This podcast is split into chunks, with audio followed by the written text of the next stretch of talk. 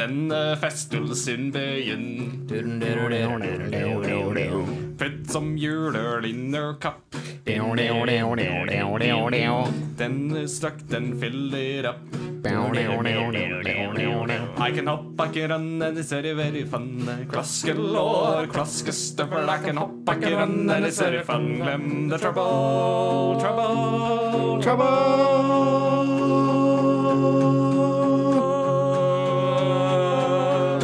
Drink a double.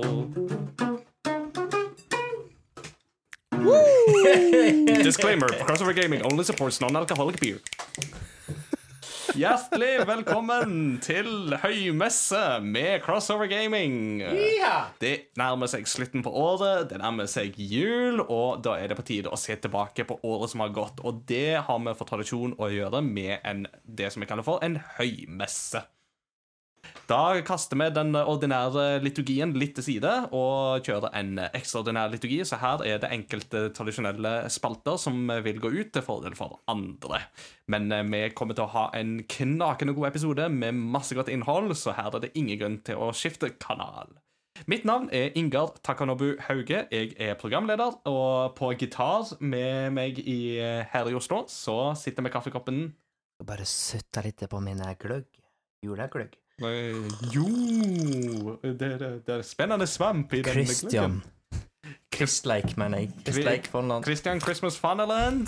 Og med oss fra Kristiansand så sitter med det gode smilet sitt Mats Jakob Nesmann. Woo! Mats Jakob. Woo! Har dere noe godt i glasset, begge to? Ja, litt yes. fake gløgg, men det er vel egentlig kaffe. Fake gløgg kaffe. Ja, det, men jeg foretrekker fake gløgg any day. Mm. Jeg er jo ikke glad i gløgg i det hele tatt. Så det er sånn Nei. Uh, It's an acquired acquired taste. Ja. Uh, uh, jeg elsker gløgg. Eh, og når jeg gikk på videregående, så var jeg så glad i gløgg at jeg hamstra til resten av året. Og kjøpte Og eh, på mitt særeste i mitt liv, det må ha vært det særeste jeg var, da satt jeg i mørket på rommet mitt på våren i en skinnstol og hørte på uh, John Cage og drakk gløgg i mørket. What? John Cage eh, 366. Uh, nei, nei, nei. Jeg hørte på eh, sonater og interluder for preparert piano. Oi, oi, oi. Det er, det er særegent. Preparert piano er helt fantastisk. Ja, ja, det er det. Å, nei, men eh, Så du har julebruskongen, og så har du da Mats Jakob, som da er gløggekongen. Ja, jeg har roa meg litt på gløggen. Det Jeg lo meg gløgg i hjel, så det er en historie av det. Ring legen, jeg ler meg i hjel. Nei da, vi skal ikke eh, dra altfor mange gløggehistorier. Vi har et show som skal tas opp. Men mm. før vi går så langt, så må vi jo bare prate bitte litt om Laust løst og fast.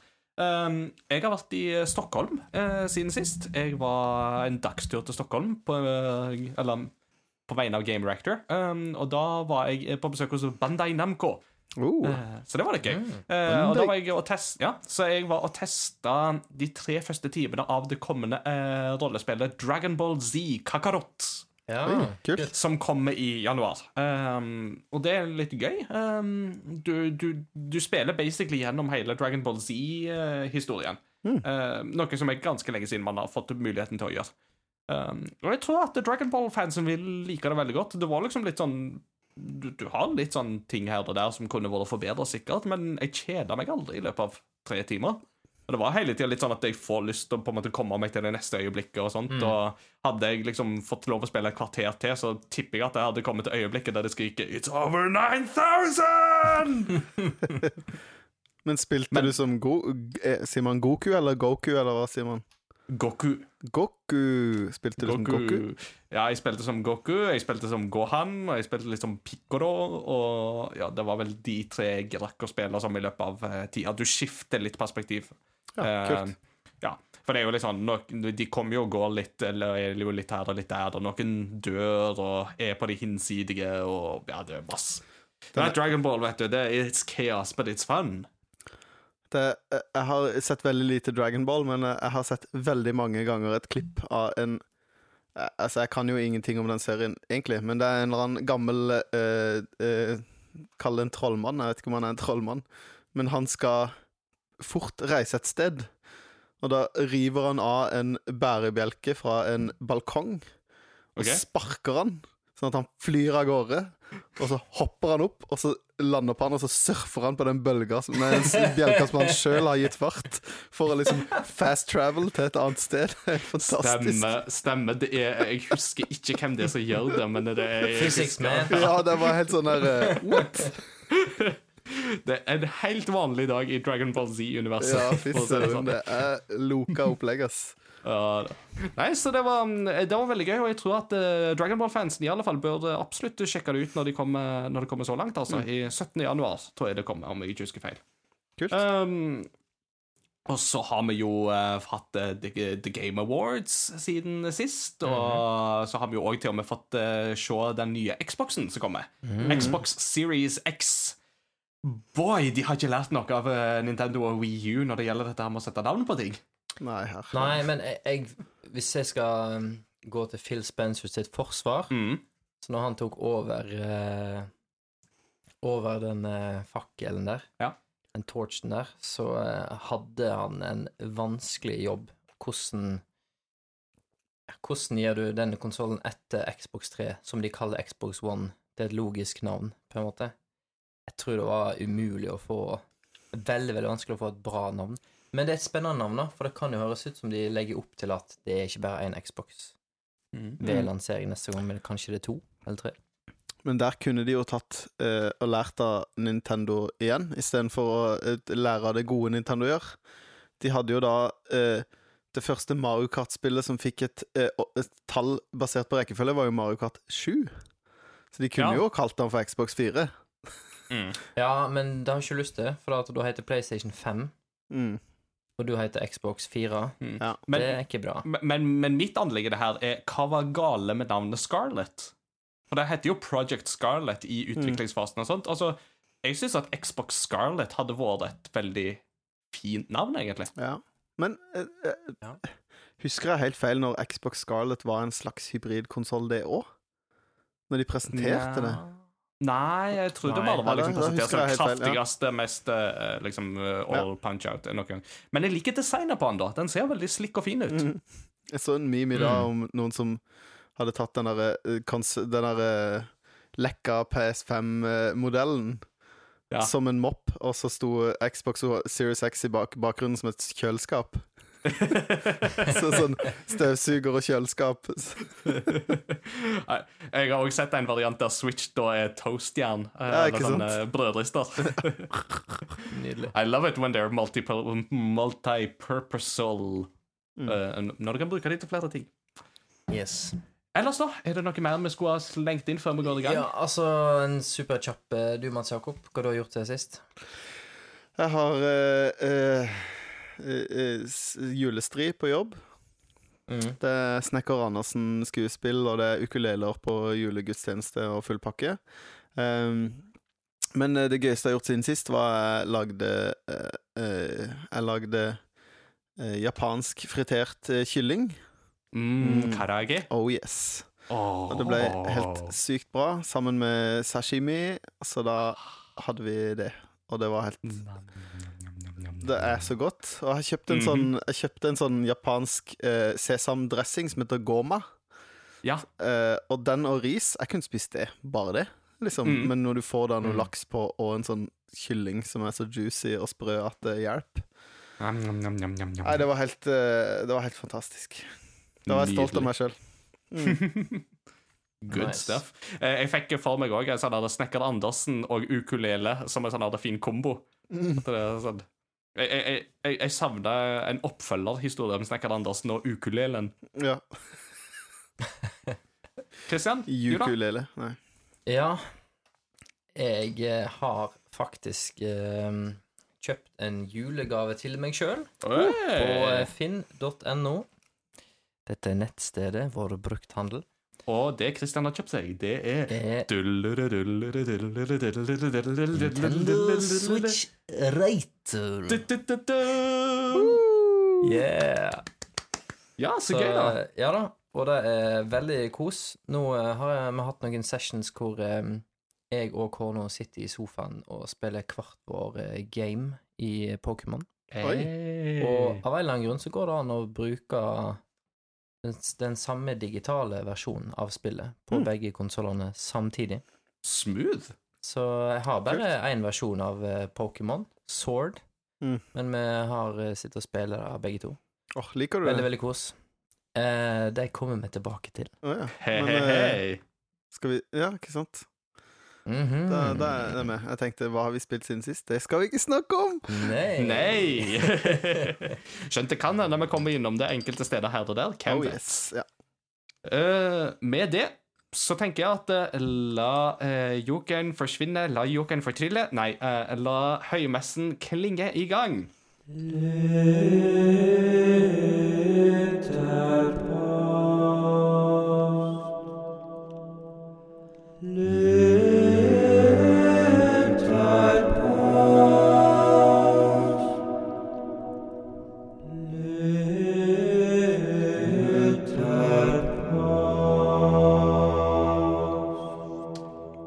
er på tide med årets siste lytterpost. Og mine damer og herrer, dere Ja, det er litt eh, trist, men det kommer neste år òg, folkens. Det slapp helt av. Shit, ja. Um, Kult. Og dere er fantastiske på å svare når vi spør. Vi setter utrolig pris på hver enkelt en som eh, skriver til oss og svarer på spørsmålene våre. Hvis du er blant de som lurer på hvor du kan gjøre det, så sjekk ut Facebook-sida vår. Bare søk opp Crossover Gaming på Facebook, og så vil du få opp lytterposter, nyheter og morsomheter eh, med jevne mellomrom. Eh, og mm, interessante spillnyheter. You, you name it. Da har vi eh, lagt ut lytterposten og spurt hva er årets beste spill anno 2019. Mm. Og da har vi plukka ut et par svar hver. Eh, Mats Mhm. Jakob, har du lyst til å begynne? Det kan jeg begynne. Eh, I dag er det min glede å lese fra legenden Åsmund Solsvik. The man, the myth. Mhm. Eh, han har skrevet I sommer kom det et spill som jeg ikke trodde var noe for meg, men som fikk meg til å glemme eh, tid mest av alle spill i år, nemlig Fire Emblem Three Houses. Oh yeah. Så ut ifra ren fun factor i år blir det Fire Emblem som er mitt Game of the Year. På andreplass har jeg Resident Evil 2 Remake, og tredjeplass Sekiro Shadows Die Twice. Nice. Mhm. Smooth. Christian, vil du uh, gå videre? Ja, Uh, godeste Mats Hauge, han skriver Kanskje ikke noen bombe at Apex Legends kommer først for min del her. For et spill. Ja, jeg har hatt det mye gøy med Apex, selv om nå er det fryktelig lenge siden jeg har spilt. Men uh, åh, jeg har hatt det veldig gøy med det. Mm. Jeg eh, har plukka meg ut um, svaret fra Eirik Rammesli Hauge, og han skriver The Outer Worlds. Ingen tvil for min del. Så mange valg, så mye frihet. Ikke verdens beste kontrolloppsett, ikke verdens beste grafikk og altfor lange loading-tider, men alt dette blekner når vi står der i stråleglansen av den fantastiske historien, stemningen og atmosfæren dette spillet har å by på. Jeg hadde ikke sett noen andre kommentere dette på nettet, men etter en lengre samtale med en noenlunde sentral karakter i spillet, kunne jeg velge å støtte hans side fordi hans fienders propaganda hadde dårlig grammatikk. Karakteren var spesielt oppgitt over at fienden ikke brukte Oxford-komma, hvor jeg da kunne svare 'What? That does it!' eller noe i den duren, og så støtte ham. Det å, relativt, det å få ta et relativt stort valg i historien kun pga. grammatikk var en vidunderlig følelse. Jeg, jeg bare understreker amen til det. Og det er nettopp det som er så flott med det spillet. Det utforsker store problemstillinger, men med en humor og, en, og et følelsesregister som jeg aldri har møtt i andre spill. Det som driver meg i omtrent alle mine hobbyer, er historier og det å bli kjent med mennesker. Innenfor de kriteriene leverer dette spillet så til de grader. The Outer Worlds har derfor, segment, har derfor sementert seg som Game of the Year 2019 for min del, og er et av årets største høydepunkt sånn generelt også. Mm, bra svar. Veldig Ja, bra svar. veldig Det var helt uh, amazing. Mm. Yes. Johannes Lunde han har skrevet kort og godt The Witcher 3 Switch Edition. Hey, The Switcher! Hey. Jeg liker at The Witcher 3 gjør et comeback i Game of the Year-lister. Det er veldig bra. Oh yeah. Ikke sant? OK. Um, tok jeg akkurat en drue? Det var munnen. Christian, mat i munnen, fadderland. Og så mens Deko eh, kødder ferdig, så tar jeg en slurk. Mens du gjør det, så kan jeg lese svaret fra Sorry. Nei, OK, nå, nå tar jeg det. Er du god, Ingar? Er du god? Uh, der, der er du på ballen. Det er bra. OK. Uh, Martin Herfjord han skriver først i parentes her kan leses som en julefortelling, Prøysen-style. Ok, det skal jeg teste. Men uh, av erfaring så går det fort over i trønder, det her. Eh, så var det en Martin Nei, hvordan er det Prøysen her, da? Jo. Nei, vet du hva, eller ja, Du, du var inne på det. Ja, for det er litt sånn uh, Toten-aktig. Ja, ja, Ja, ja. Så var det Martin som skulle være flink eh, lytter og svare. jeg tar det. Ok, Da mista vi- da mista vi 1000 lyttere. Kill Så me var now! det Ok, vanlig edition her. Ja. Så var det Martin som skulle være flink lytter og svare på lytterspalten til sin favorittpodkast Crossover Gaming om årets beste spill. Med favoritten til Martin. Da han med et trist sukk innså at han nesten ikke hadde spilt noen spill fra i år. Fire Emblem og Star Wars var satt av til juleferien. Sekiro og Death Stranding var ikke helt hans jam, og Borderlands 3 nådde ikke helt opp til toeren. Så med ett kom Disco Elysium på tilbud på Steam, som et tegn ifra oven. Martins indre drama sa til han selv, grip sjansen, gutt. Dette varer ikke evig. Hans indre retorikk svarte da, er det verdt penger? Kommer du til å plette det, liksom? Mens hans indre logikk konkluderte rolig med en finfin anledning til å spille noe fra i år.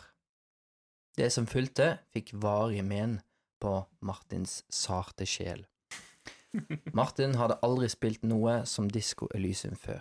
Det var en unik blanding av Monkey Island, Myst og Mullemek, der man følger en alkoholisert detektiv som i et dysfunksjonelt og postapokalyptisk samfunn prøver å komme til bunns i mysteriet, samtidig som han prøver å huske noe som helst om seg selv. Han våkner nemlig med total hukommelsestap og har mistet både politibadgen og, poli og pistolen sin. Dette legger grunnlag for en vakker tandemstimulering av følelsene nysgjerrighetsspirring og nysgjerrighetsmetting, eh, der man konstant blir presentert for nye brikker i et stadig voksende puslespill. Historien er briljant komponert, presentert via dialog med andre, men ikke minst med seg selv. Mr. Detective har nemlig jevnlig indre dialog med 24 forskjellige deler av hjernen sin, ikke ulikt Pixar-filmen Inside Out noe som ofte ender i hysterisk morsomme og totalt meningsløse, men filosofisk interessante resonnement. Som et RPG-element kan man også oppgradere disse ulike egenskapene, noe som er nødvendig for å få gjennombrudd i historien. Når det i tillegg er sylskarp humor gjennom hele spillet, har vakker musikk, deilig grafikk og er overraskende lærerikt om filosofi og ideologi, blir dette unektelig årets spill for meg. Disko Elysium setter mer enn noe annet spill ord på de mørke sidene av menneskets syke og historie, samtidig som det får til og med meg til å føle meg smart. Ti av ti. Det var et eh, vakkert svar, Martin. Ja, en god eh, Han har en god penn, han, altså. Ja, absolutt. Men har han ikke spilt Pokémon og World of Warcraft WoW Classic? Hæ? Jeg, Ja, jeg men World of, eh, World of Warcraft Craft kan jo diskuteres om Nå- det er på en måte årets spill, nå, eller om det er nå var jeg stygg med vilje, sorry. Det var, det var en kanskje kritikk. Men eh, jeg tror det er den beste oppbeskrivelsen av Disco Elysium jeg har hørt i hele år. Monkey Island møter Mulle Mek. Ja, det var helt fantastisk. Ja. Nydelig. Gubben og katten i eh, snekkerbua, liksom. Det var helt konge. Jeg tror kanskje han ikke har spilt uh, Pokémon nok ennå til å Mm. føle at han kan vurdere det på pallen, men eh, ja. Det, det er veldig gøy med Disco Elysium. Jeg har jo hørt noe sånt som at det er noen av de har jo jobba i 13 år med dette spillet. Og Altså steike. skrive det. Uh, så det er et sånn prestisjeprosjekt. Eller sånn, det er jo hjertebarnet til disse her Ja. uh, fra, fra Øst-Europa. Er det et av disse her eller, mm, Latvia, Litauen, Estland. Et av de tre landene der. Stilig. Stilig. Det er godt å høre noen som har brukt 13 år på et spill, og det ikke er Duke Nukem. Ja, ikke sant? Eller 18 år, og det er Shenmue 3. Å, herlig. Eh, jeg har et, uh, plukka ut et siste svar. Vi har en uh, lytter som kommenterer en del, men som jeg ikke tror vi har lest så mange svar av. Jon Vegard Jansen. Uh, for han stiller først spørsmålet Teller det om spillet har vært i early access fra før 2019. Og da måtte vi jo si at hvis de gikk ut av early access i år, så må vi si ja, da, da, mm. da er det et årets spill. på samme måte som at Subnautica var en konkurrent i fjor til det. Mm, mm. Og da skriver Jon Vegard Jansen da stemmer jeg for Oxygen Not Included. Som mm. eh, jeg eh, bare sjekka litt ut, og det virka veldig moro. Eh, jeg må dessverre innrømme, jeg har ikke testa det sjøl, men eh, Det høres ut som et survival-spill, er det det? Jeg tror det er et litt sånn partyspill, kanskje.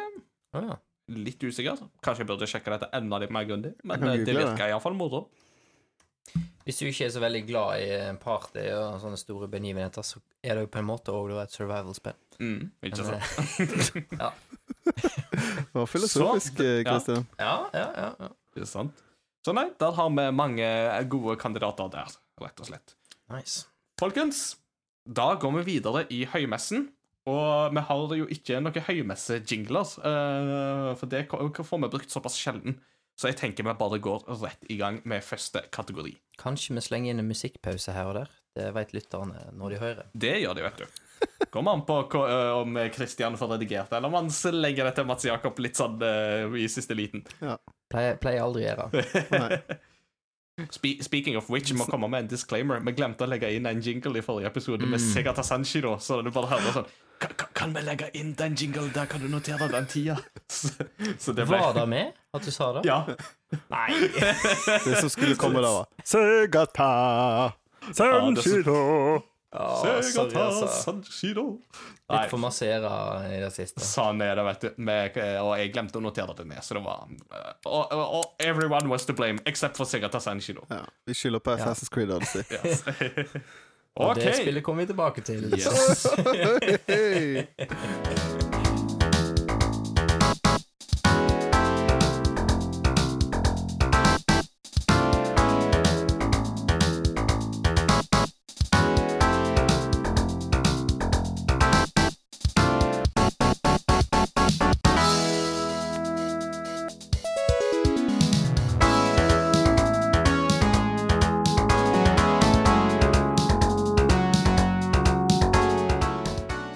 Folkens, vi har jo noen kategorier som er etablerte i fjor, og så har vi en ny kategori som vi prøver å etablere i år. Og så får vi se uh, if it sticks. Første kategori som vi skal kåre i år, det er beste spill gitt ut før 2019. Det vil da si det beste spillet vi har spilt i år, som kom ut før året som ligger bak. Kan jeg begynne? Ja, du kan få lov å begynne. Dette spillet har jeg mast masse om og holdt på å glemme det. Jeg holdt på å nevne et annet spill, for nå er det så lenge siden. Det er nesten et år siden, for jeg gama det her masse i januar og februar og mars og april og mai og i uh, tidligere år. Og det er et spill som kom ut helt på tampen av 2018, og det er selvfølgelig Mats Jakob. Assassin's Creed Odyssey! yeah! Oi, oi, oi. Selvsagt er det det. Og jeg tror ikke jeg trenger å fortelle mer om det spillet. Ja, jeg stoppe der. Fortell meg om Assassin's Creed Odyssey, Christian. ja, nå skal du høre. Det er jo et uh... Jeg trenger jo ikke spille det spillet. Det er jo du har fortalt alt. ja, nei, vet du hva. Jeg går tilbake og hører ti, de ti første episodene i 2019, ja. og så vet du nok om Assassin's Creed Odyssey. Alright, jeg tror vi kan gå til nestemann. Det er klart at det er Christians uh, i den kategorien der. Uh, Mats Jakob, uh, hva med deg? Ja, det, Dette er jo på en måte litt min kategori, for i motsetning til deg, Ingar, så, så, har jeg jo Jeg har jo ikke, jeg har jo ikke ti spill til en topp ti i 2019 engang. Sånn at jeg ligger jo, som dere sikkert dere som har hørt på en stund, vet, litt bak. så de ti sånn beste spillene jeg har spilt i 2019 Nei, ti, er, jeg har skrevet fem. Ah, eh, på en femteplass så har jeg eh, Splatterhouse Waku Waku Graffiti. Eh, som jeg snakka om før, som du testa når du var her hos meg, Ingar. Med, hvor yes. Michael Jackson er, zombie Michael Jackson er første boss.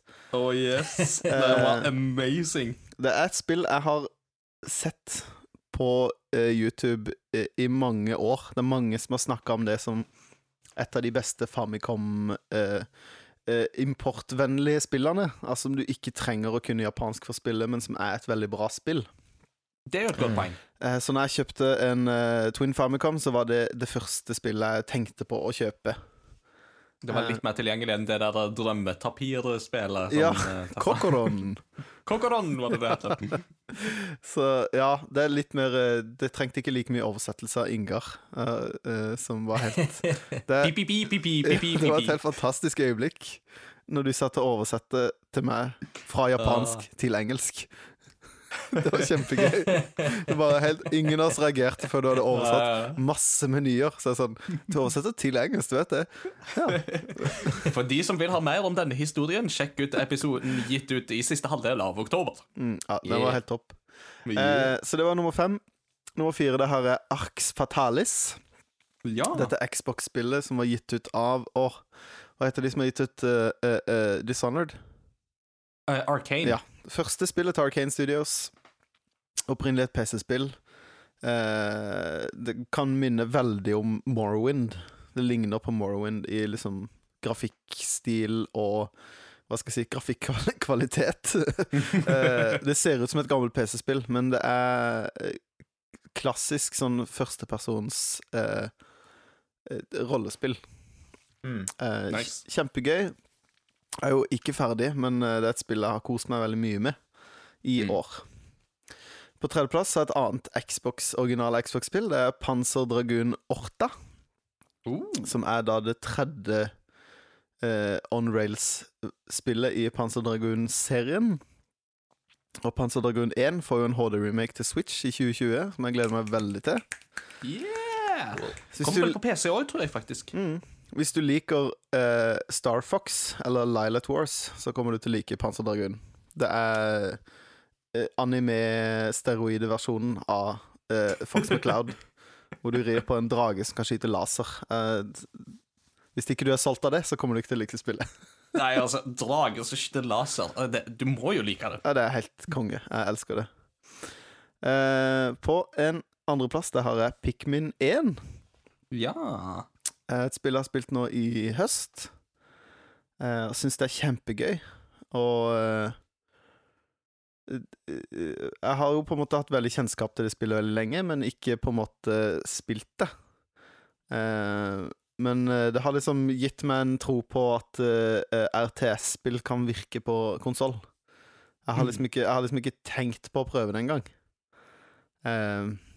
Eh, det nærmeste jeg har spilt, var jeg spilte Age of Empires 2 på PlayStation 2 med mus og keyboard.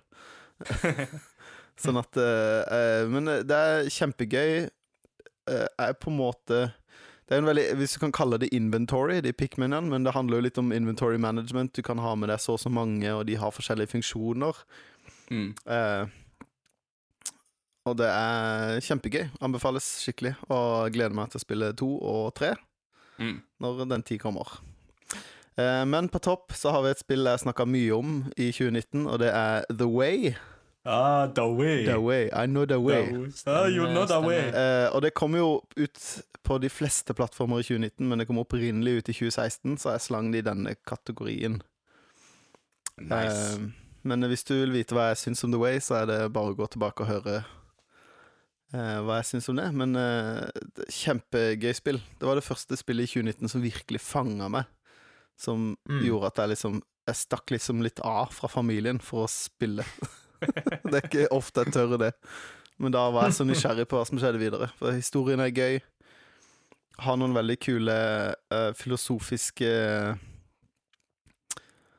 ja, Han leker litt med sånn uh, framtidige problemstillinger vi kan møte på det i forhold til AI og sånne ting, som jeg syns Mm. var veldig interessant. Fullførte du det? Helt all the way. Hold da. Game of the year! Assassin's Creed, har. Ja, Joke of eh, the year. Nei, eh, jo, men det anbefales, og det er støtter stadig på tilbud på Switch. Jeg kjøpte Mm. det for eh, den nette sum av ni kroner når jeg kjøpte det. Oi, Men eh, det Smooth. støtter stadig på tilbud, så det anbefales virkelig. heftig tilbud. Mm. Kult. All right. That's me. Ingar. Arcaten. Yeah. yeah. Um, jeg kommer nok litt sterkere tilbake når vi kommer til 2019-lista. Um, men uh, i uh, 2019 så har jeg i alle fall spilt noen spill som kom ut før. Um, Devil May Cry-serien. Mm. Altså, uh, Devil May Cry 1-4 blir jo da retro-sjiktet her. Jeg har ikke spilt den Ninja Theory sin reboot DMC Devil May Cry. Den har jeg ikke spilt. Men alle de opprinnelige Capcom-spillene, Devil May Cry 1-4, har jeg da spilt gjennom. Og de må jo slenges inn her, for de har hatt det mye gøy med. Bortsett fra Devil May Cry 2, som jo var langdryg uh, affære. som uh, har fått et uh, dårlig eh, ettermæle, og er helt fortjent. Men Devil May Cry 3 særlig var veldig, veldig gøy.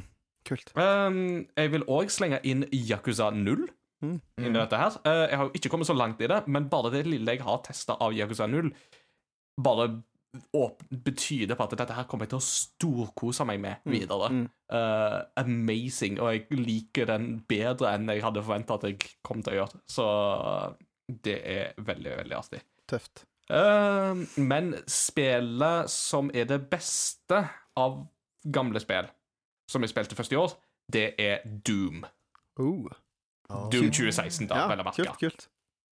Uh, jeg hadde jo prøvd det litt før, men det var i år jeg først satte meg ned skikkelig og spilte gjennom det, og det var jo en høydare uten sidestykke, og den musikken bærer jo det spillet så det synger etter, selv om det er veldig lite sang. Det er litt skrik innimellom, men eh, Mm. eh, dere skjønner hva jeg mener.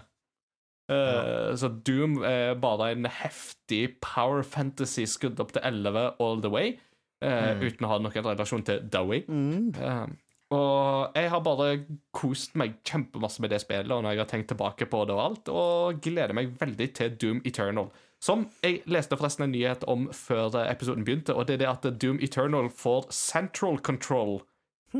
Hvis man vil ha det. Det vil si at geværet er helt på midten av skjermen. Oi. Ja, Akkurat sånn som i de gode, gamle Ah. Doom og Wolfenstein-spillene, der det ikke var liksom litt til venstre eller litt til høyre, men helt på midten. Kult. Det er gøy, Det gøy detalj. Fanservice. Det liker jeg. Veldig gøy. Det er, og det er jo helt frivillig om du vil ha det der, men jeg syns det er en artig detalj å ha med. Så det var min eh, Det var mitt eh, toppspill på den lista der, altså.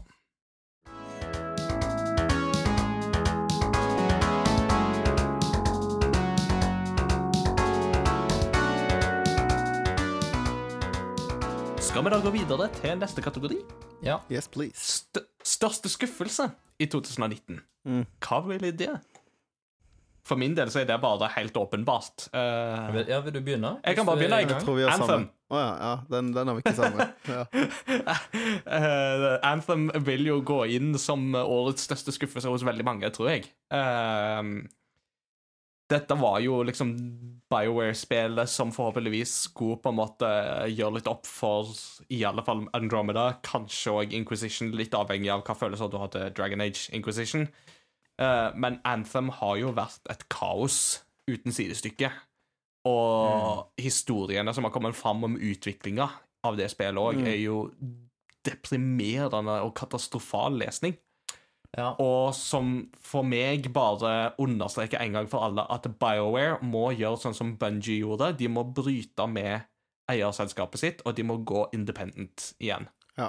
Eh, hvis ikke så er BioWare er fortapt sånn som de er nå.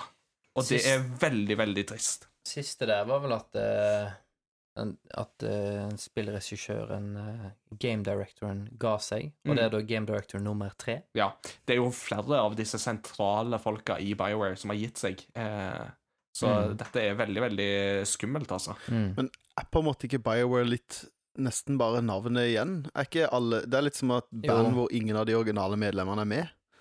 Jo, det er jo blitt sånn, ikke sant? Det er jo ikke Eh, fett, det- på en måte. Sakte, men sikkert er det blitt sånn. ja. Mm, det er blitt det til det, og det er jo veldig trist å, å, å oppleve. Eh, og veldig interessant sånn sett, for hvis du ser på dette tiåret som en helhet, Mm. så begynte jo BioWare begynte jo på topp ikke sant, med å Ja. gi ut Mass Effect 2 i 2010. Ja. Og så hadde det liksom bare gått strake veien nedover derfra. Ja. Sakte, men sikkert. Men BioWare 2019 er jo ikke til å kjenne igjen. En annen ting som er litt trist akkurat der, er at i mange andre studier så, så når noen gir seg der, eller en gjeng gir seg, sånn som med Respawn for eksempel, Mm. Mm. så lager de sammen et eller annet annet etterpå, som bærer frukter og blir bra. til slutt. Eh, men den duoen her, som uh, starta Bioware og ga seg etter Mass Effect 3, Mm. de har liksom bare slutta i spillindustrien. Ja. Og det er jo to av de ja, En av de virkelig, virkelig store navnene for vestlige RPG-er. Absolutt. Det er absolutt. litt trist. Ja, det er et kist. Mm. Trist, Så. Bio, ja, så Anthem var nok det spillet som skuffa meg mest i år. Uh, av andre spill som jeg kan nevne litt i den kategorien kort, er spill som Days Gone. Uh, men det var ikke så skuffende, for jeg hadde ikke så store forhåpninger til det. Mm. Så det var litt sånn, sånn Det var helt som forventa, men det var ikke noe bra. Uh, liksom, det, det var litt for mange bugs og litt for cheesy. Oninaki, eh, dette japanske rollespillet fra utvikleren av IM Setsuna det var absolutt en skuffelse for meg. Mm. Jeg hadde litt håp om at de skulle få det til. Det gjorde de ikke. Um, og faktisk lite grann òg her, så vil jeg kanskje jeg, jeg er litt i tvil om denne, men Draugen streifer litt innom denne kategorien, faktisk, for meg. For det var et spill jeg hadde forhåpninger til, og som ikke helt ble innfridd. Men det er fortsatt veldig bra på veldig mange områder. Ja. Så det, det er bare liksom det, det stikker hodet inn i denne kategorien, sier hei, og så går det igjen. Mm. Ja. Jeg eh, har eh, holdt meg eh, ganske sånn straight to the point uh, på alt her, jeg. Så jeg har bare ett spill. Mm. Um, og da er Jeg skal opp her. Der var Borderlands 3. Oi! Kjipt. Oi, oi, oi. Borderlands 2 eh, var et spill som jeg var litt late to the party på. Kanskje et halvt år, et år etter det var kommet. Ble helt slått i bakken av hvor bra det var.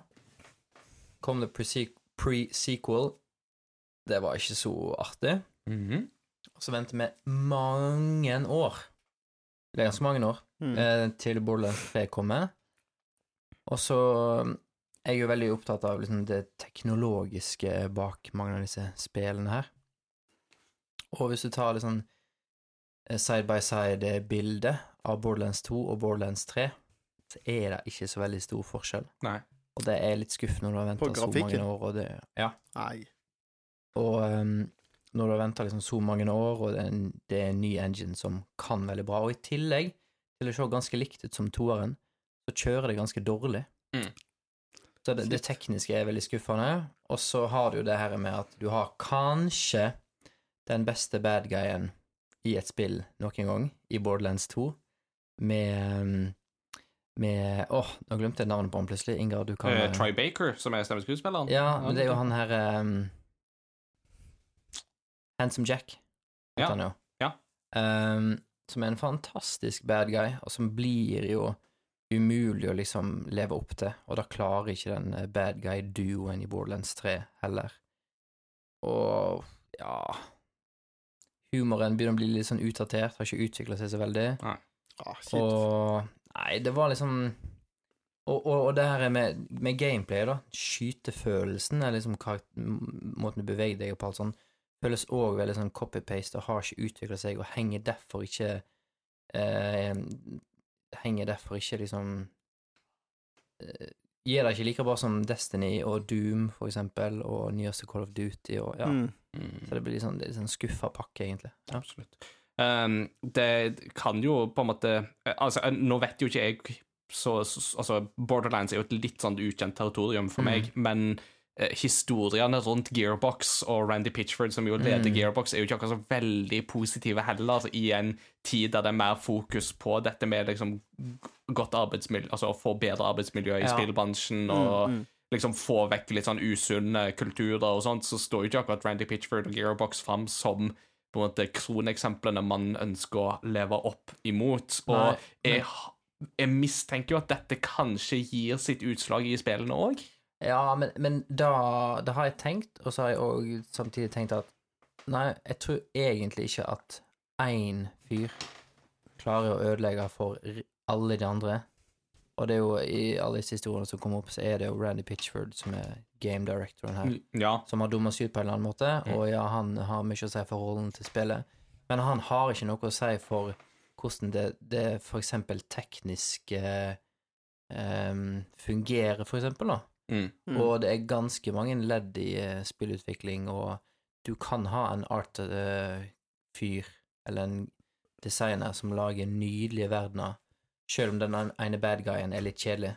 Det er sant. Men når alle disse leddene her skuffer, så er det litt sånn eh, Jeg vet ikke. Kanskje det er Pitchford.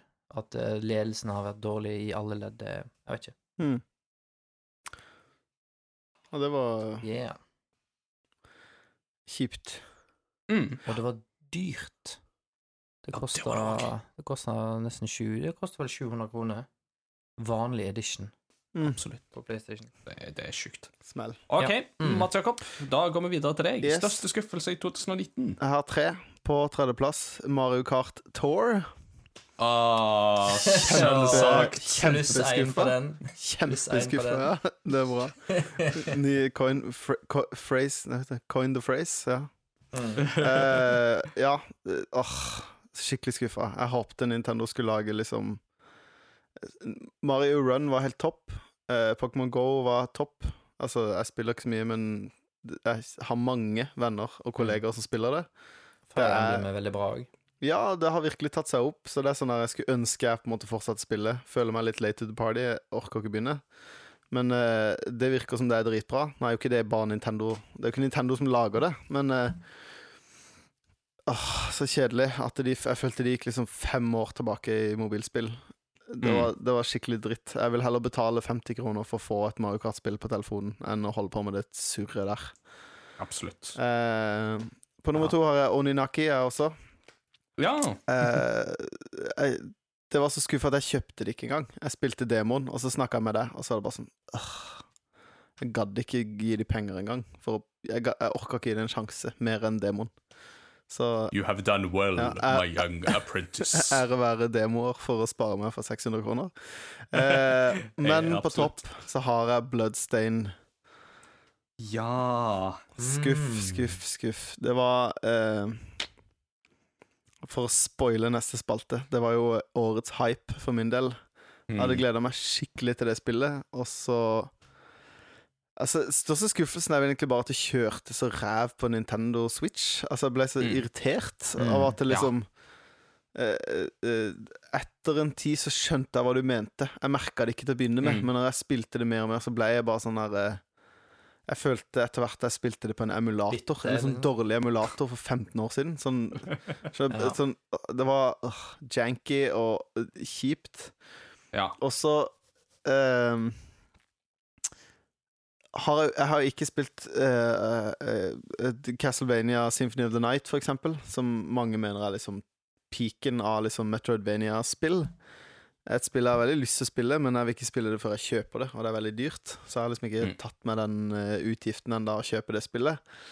Uh, men jeg tenkte liksom Yes, nå får jeg på en måte metta litt den sulten etter et sånt spill, da. Etter å teste det spillet, men det gjorde det jo ikke bedre. Jeg ble heller kvalm av Ja, den mettinga. Uh, men eh, ja. Det, det var ikke noe særlig. Nei.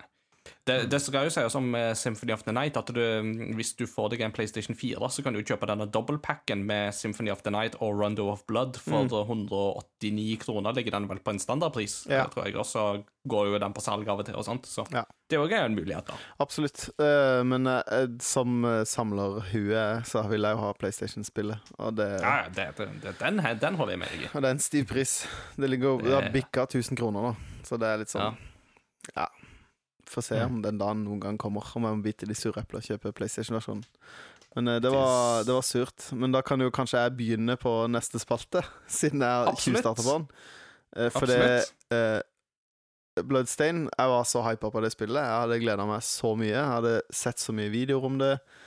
Eh, jeg vurderte sterkt å eh, Hadde jeg hatt litt mer penger, så hadde jeg backa den kickstarteren lett. Eh, Mm. Fordi at det virka så lovende. Men dette var jo også før vi fikk Mighty Number Nine. Eh, i, for denne her kom liksom ikke i kjølvannet, men den kom liksom i eh, tsunamien som het Mighty Number Nine, og KG Inifune som gikk fra Capcom for å starte sitt eget og skulle lage liksom ekte Megamann. Mm. Eh, så det var jo en sånn hype rundt det òg. Så det er en sånn stor sum. Det er ikke bare at jeg var supergira på det spillet, men det er en helt sånn det var en sånn greie i hele spillmiljøet om at det nå liksom løsriver original Liksom kjernen bak spillene seg fra selskapene og liksom får lov å gjøre reindyrke det de er gode på. Og så klarte liksom verken av de to store å få det til. Og det var frustrerende. Mm. Uh, vi må jo forresten nevne at uh, denne kategorien heter jo da Største hype i 2019. Ja, sorry. Ja. Uh, og det var jo da Bloodstained for din ja. del. jeg kan jo òg nevne at du vurderte å støtte Bloodstained. Jeg støtta jo Mighty Number Nine. Ja, så I am the sucker here, I think. Oh, what a fool you are. Ja, jeg, jeg vurderte det òg. ja, det skal jeg være glad du ikke støtta. så ja, det var eh, Det kom liksom i den verste I den verste, liksom, eh, samlemanien min òg. Når jeg ja. følte at uh, alt var surr. Men uh, Riktig. Riktig. Mm. Ja. Uh, Christian, uh, hva mm. vil du si var liksom den største hypen din for 2019? Um, jeg Skal vi se den største hypen for min del for 2019 eh, begynte som eh, Det begynte i skepsisriket, på en måte. Um, det var et spill som jeg har snakket om tidligere i podkasten, når det her ble reveala Det var vel en trailer som kom på et, en Star Wars uh, Celebration, tror jeg. Ja, ja, riktig. I starten, og så mm -hmm. kom det gameplay på E3. Mm -hmm.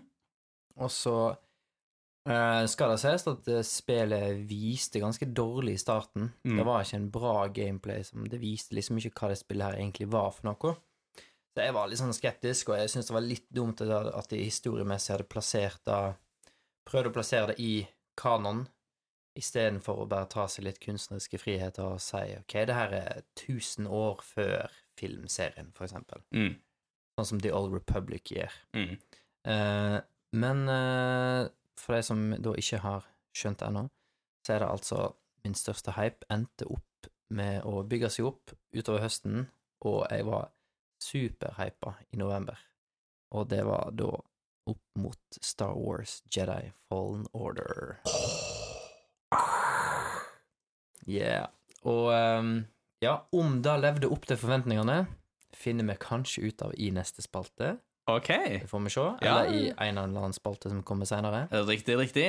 Men ja. du, Ingar, ja. hadde du en hype? Denne syns jeg var litt tricky, fordi at jeg kan gå og glede meg til mange forskjellige spill, men det er ikke alltid du på en måte helt vet om spillet kommer til å komme ut. Uh, jeg vet ikke, sant? Altså, eh, altså, Star Wars var jo absolutt en ting som jeg jo på en måte hypa meg opp imot da det skulle lanseres, men det var jo ikke et spill som jeg utgangspunktet forventa skulle komme i 2019, da vi begynte året, f.eks.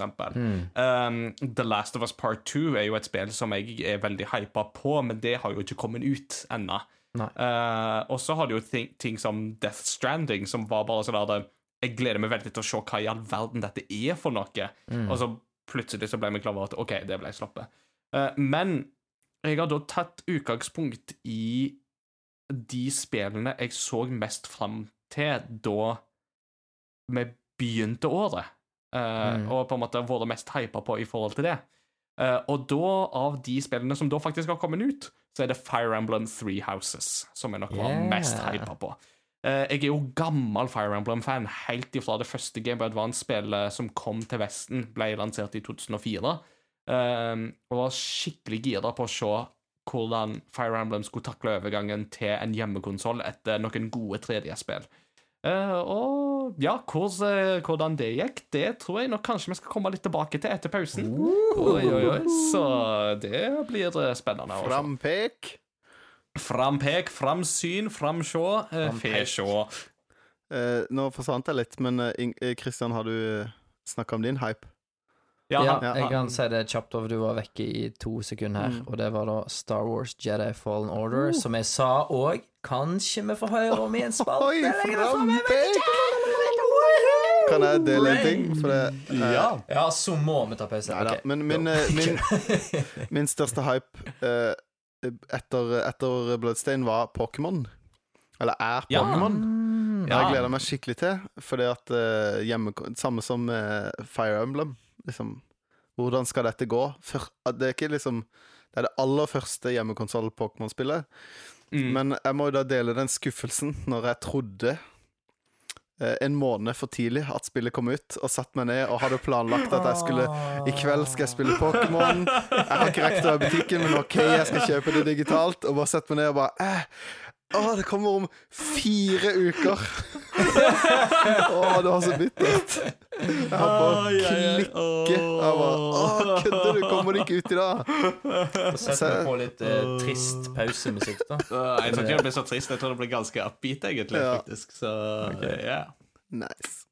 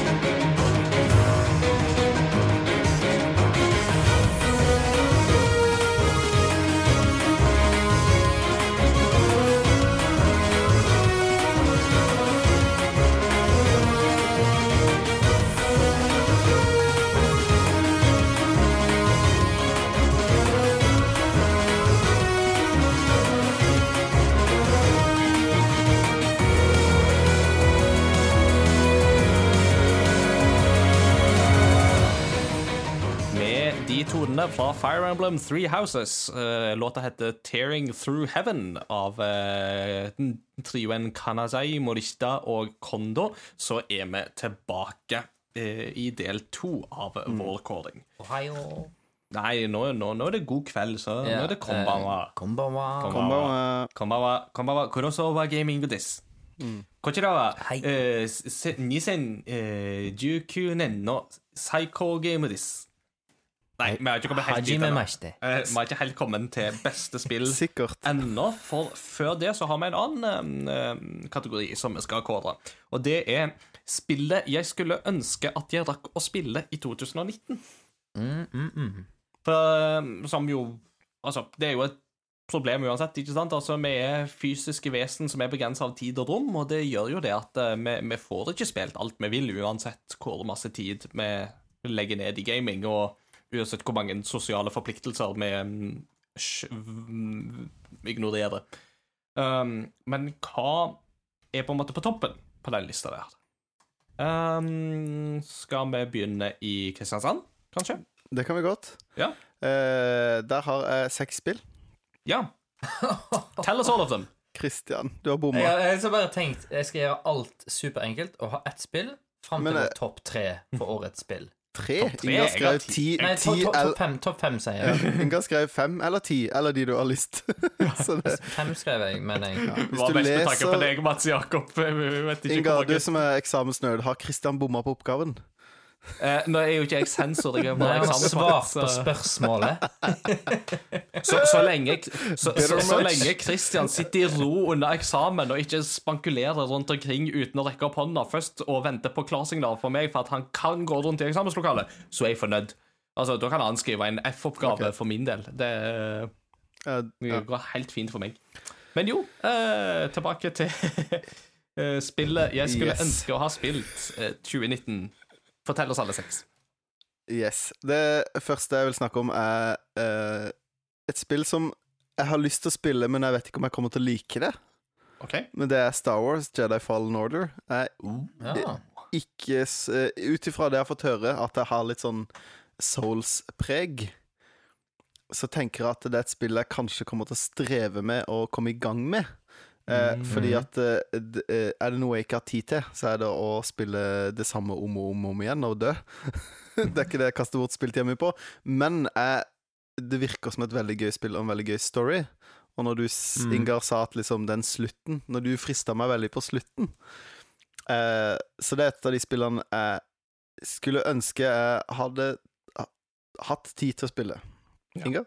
Jeg, eh, vil, jeg, er jo i samme bås som deg. Jeg har jo aldri helt klart å knekke den der Soulsborne-formelen. Eh, ikke sant? Og sliter jo særlig med det med det høye vanskelighetsgrad og sånt. Mm. Eh, og Star Wars Jedi Fallen Order var ikke i nærheten av å være på det Altså, det tok det gode med ja. den formelen, syns jeg, samtidig som at det var lettere. Eh, og du kan jo justere vanskelighetsgraden òg, ja. så kjør på. Da, da er veldig viktig å understreke det du kan gjøre Souls enkelt. Ja.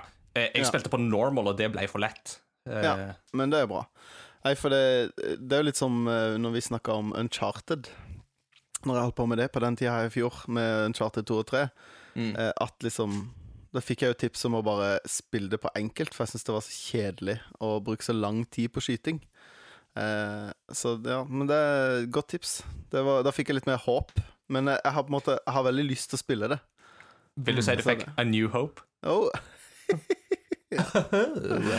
Oh, deilig. Apropos det, i går så uh, uh, Eller i, i min VHS-kassett heter bare Star Wars. Den så jeg uh, forleden dag. Nei, ja, på, nei, ikke i går, på søndag. Lørdag. Så jeg det.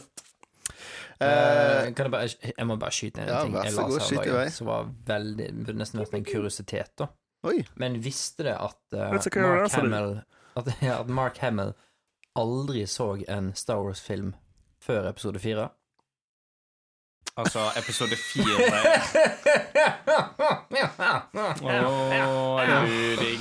Kan vi bannlyse folk fra den podkasten? Permisjon på ubestemt tid. You're out! jeg, jeg, jeg, savner dette her NRK-programmet Det svakeste ledd, for jeg tror yeah. vi har funnet vårt. You are the weakest link. Goodbye. Goodbye.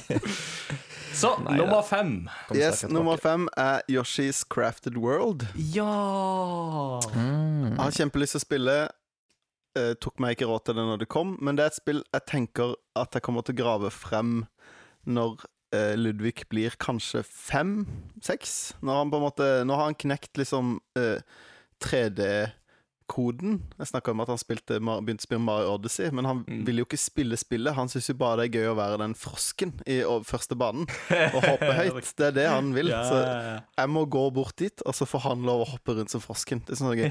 Men han forstår 3D-kamera, og altså han, forstår, han intuitivt forstår kontrollschemen, da. Det er ganske bra. Eh, og det er veldig interessant. Mm. Men har ingen interesse av å spille spillet. Han syns bare det er gøy å være frosk og hoppe høyt. Eh, men eh, det er et spill jeg ser for meg Men Han har testa demoen litt, men han skjønner ikke game Altså han skjønner ikke poenget. Han forstår gameplay, men han, skjønner ikke hva han, skal, han forstår ikke poenget med det han skal gjøre. Ja. Så han er for liten til å liksom forstå hva spillet er, men han får til å spille det. Så det er et spill jeg kommer til å gå tilbake til. Mm. Eh, på fjerdeplass har jeg Call of Duty Modern Warfare. Ja. Hørt så mye bra om det at jeg har mm. får lyst til å hoppe inn igjen. Nå har ikke jeg spilt Call of Duty siden Modern Warfare 2, så det er litt rart at jeg skal nå hoppe tilbake på Modern Warfare 1. Men uh, det virker uh, Alt jeg har hørt om det, er positivt. Så uh, det, da tenker jeg at det virker som det jeg likte med Call of Duty Modern Warfare-spillene som kom de The Treyarch-spillene som kom på for ti år siden, syns jeg var dritkule. Mm. Ja. Mm. Eh, men har noen av dere spilt det? Jeg spilte det. Jeg syns det var eh, Jeg syns det var helt greit, men ikke så mye mer enn det. Altså, historien har noen veldig gode øyeblikk i singleplayer-delen, men de klarer ikke helt mm. å på en måte komme opp på sånn Wolfenstein 2-nivå eller Bioshock-nivå for min del. Mm. Um, men det er litt sånn, kan man forvente det av Call of Duty, er jo spørsmålet, da. Ja, det var litt det var min første tanke. Ja. ja. Men òg på en måte multiplayeren, så føler jeg på en måte at det, det, jeg, jeg, føler ikke Altså, i de små multiplayer-modiene så mm. syns jeg Call of Duty absolutt utmerker seg. Der er det veldig gøy, og der har de virkelig mestra det. Men de større, veldig sånne store kartene og sånt, der, der drukner det i mengden. Altså, der er Battlefield, for eksempel, mye ja. bedre. Det var det første, Battlefield det var Battlefield er kongen på det, altså. Ja. Så der klarer ikke Modern Warfare å leve opp til det. Mm. På en uh, uh, tredjeplass så har jeg Untitled Goose Game. Yes. Har jeg veldig lyst til å spille. Har ikke uh, fått sona meg til å spille det. Uh, på en andreplass der har jeg The Outer Worlds. Ja. Det har jeg jo veldig lyst til å spille, men jeg har Mm. ikke fått kommet meg til. Men det virker veldig gøy, og veldig gøy å høre det var det Erik som hadde, Eirik som hadde skrevet så fint om det. Mm. Men det virker som du, Inga, koste deg med det, og eh, jeg fortalte jo om når du hadde beskrevet for meg åpninga, Christian, og så videre fortalte jeg det til Håkon. Shout out! Ja. Håkon! Eh, Håkon! Eh, så virka det som min, som min humor, da. Eh, Mm. Og da tenkte jeg at det hadde jeg lyst til å spille. Men på topp så har jeg et spill som kom ut nå nylig, som jeg ønska meg til jul. Og det heter Shovel Night Treasure Trove. Ja. Det er det spillet jeg sannsynligvis rekker å spille i 2019, men ikke før den episoden. Eh, eh, men eh, ja, når de, når de annonserte det, så ble jeg sånn Yes, det her vil jeg ha. Eh, og det er jo et Shovel Knight-spill som har flere spill i seg. Blant Mm. annet et eget kort trading card-spill Ja. uh, i der. Og det, bare det fikk meg til å tenke Oi, så kult. Uh, jeg, håper, jeg håper de gjør noe spennende. Det virka som de gjorde, en, de gjorde det spennende, da. Det, jeg tror det er veldig inspirert av det der Triad-kortspillet fra Final Fantasy 8. Ja, kult. Så hvis du noen gang var rame på det, så tror jeg at dette vil på en måte eh, gå rett inn. Jeg samla veldig mange av de kortene. Men jeg vet ikke Mm. om jeg spilte spillet. Jeg var liksom mest opptatt av å få tak i alle kortene. Litt sånn som eh, Pokémon-kort. Ja, på en måte. Det var jo, jeg spilte jo Final Fantasy 8 når jeg var 11, så Sånn sett så passer Mm. det fint. Nei, så eh, Shovel Night på topp hos meg. Nice. Nice. Eh, Untitled Goose Game kan, er jo et sånn perfekt sånn romjulespill, fordi det tar deg sånn to, to og en halv, tre timer maks å spille gjennom, liksom. Mm. Så hvis du får deg en sånn ledig stund eller en veldig lang dopause i, i romjula, så Veldig lang dopause med en PlayStation 4, eller fins det på Switch? Ja? Det finnes jo på Switch. Det Ah, kom ah, jo det på Switch og PC først. uh, Ja. Så det var på Switch Det fikk jeg ikke med meg engang. Nei, nei, nei. Det var jo bestselgeren på Switch i oktober uh, av sånne digitale spill. Eh, Slo til og med ting som Links Awakening og uh, Luigi's Mansion 3. Det og... fikk jo Altså, det, det var jo snakkisen når det kom. Mhm. Men uh, jeg fikk ikke med meg at det kom på Switch engang. Jeg tenkte det var sånn Ja. PC- og PS4-spill. Nei, nei, nei, PS4 og Xbox-versjonen kommer nå i snakkende stund. Oi, såpass, ja. Så ja. Så Kult. there you have it. Thank you. All right, Christian. eh, Yeah, da går vi over til eh, han eleven som leser oppgaven nøye og svarer på akkurat det oppgaven spør om. Her står det 'Spillene du ønsket du rakk å spille i 2019', står det hos meg. Det spillet du skulle ønske du rakk å spille i 2019, står det egentlig. Nei. Men uh, hvert fall Svaret er falskt. Ehm, jeg kan jo si pluss én på masse av det du sa, Mats Jakob. Mm. Eh, men det som jeg har tenkt Som jeg virkelig har hatt lyst til å spille, men som jeg ikke rett og slett har tatt meg tid til. For det har, i, spesielt i høst, har det vært veldig lite spilletid. Som har vært litt sånn eh, Da kommer jeg tilbake til i topp fem-lista mi òg. Mm. Men uh, det er en, et geni av en, uh, av en spillentreprenør, mm, en spillmaker, som har hatt en lang serie som jeg tenkte her blir tungt å hive seg eh, komme seg inn i. Eh, men så går han plutselig indie og lager noe helt nytt, som har ingenting med den lange, lange serien å gjøre. Så tenkte jeg ok, nå er det mulig å få en liten smak på Kojima. Ha. Så det jeg skulle ønske jeg hadde spilt, er altså Death Stranding. Postmann Pet, ja. Death Stranding Det er så bildet jeg sendte dere før, da, eller? Ja, ja, ja, det var fantastisk. Ja, jeg tror ikke jeg noe? Nor- Norman Reedus Reedus- with the Hva er det det står for noe? Norman Reedus with the funky fetus. ja. Det var noen som hadde lagd alternate cover. Ja, Norman Reedus with the funky fetus and the funky fetus. and the funky fetus, var det. ja. Jeg, jeg syns det funka. Jeg syns det var veldig beskrivende, jeg, faktisk. Så, Men jeg, jeg har men, lyst eh, på den der Death Stranding-fonten. Kan jeg vel få tak i den? Den er, den er Mm. ganske creepy. det er sjef. Og det er veldig Mm. mye av det der promomaterialet til Death Stranding òg. Altså artworken og visuals. Og Ja. Uh, ja, veldig mye av det er Men får dere den special edition hvor du fikk en sånn BB med? Ja, ja, det er sånn Collectors Edition som koster sånn Ja. 2500-3000. Så får du en sånn liten sånn Akkurat sånn som han går med på magen, med en Ja. BB inni. Det, Ikke en skikkelig BB, da, for dere som hører på. Ta det helt med ro. Jeg er spent på om det spillet kommer i en annen spalte litt senere. Kanskje. Vi får se, vi får se. Teamet vil show. Ja. ikke hos meg, iallfall! Skål! Så Death Stranding hos Christian der, altså. Yeah. Jeg kommer jo på PC til sommeren 2020, så Mm. det blir jo spennende. Mm. Eh, Jeg har eh, opptil flere spill, jeg òg, så jeg eh, begynner litt sånn med de der honorable mentions nederst. Jeg har ikke rukket å begynne på Pokémon Sword and Shield ennå. Eh, håper jo å ta det i romjula. Jeg har ikke fått spilt The Division 2. Eh, det er jo et spill som jeg hadde hatt veldig lyst til å, prøve, som jeg jo har hørt bare lovord om, egentlig, som jeg tror jeg hadde likt. Dragon Quest Builders 2 har jeg hørt veldig mye bra om, særlig fra Eirik. Så um, det skulle jeg gjerne ha spilt. Og Super Mario Maker 2, som er litt i beslekta kategori, og kom ut omtrent samtidig. Eh, som jeg òg gjerne skulle ha testa, og jeg likte veldig godt Super Mario Maker 1. Så jeg tror absolutt jeg ville likt toeren òg, hvis jeg hadde prøvd det. Men det er to spill som har uh, festa seg på topp, og mye av det er takket være veldig positive omtaler av disse spillene fra min uh, Game Rector-kollega Christian. Christian. Og Hyggelig. det er da uh, Det første av det er det som heter Outer Wilds. Ja. Outer Wilds. Ja, ja, ja, det har jeg sett litt av. Ja, som jo veldig mange omtaler som definitivt et av årets høydepunkt for deres del. Ja, stille. Eh, eh, s- som jeg tror er, eh, Det et spill jeg kommer til å sette veldig høyt på prilista i januar-februar, hvis jeg får tid uh, til det. Uh, og et annet spill er jo da det som Martin hadde som sitt Game of the Year, nemlig Disco Elysium. Mm. Som jo har vært en stor snakkis nå i høst, og, eller nå, nå etter at det kom ut. I alle fall i litt sånn på en måte gamer, subgamer-sjiktet, så har det iallfall vært et sånt spill som har poppa opp flere Mm. ganger.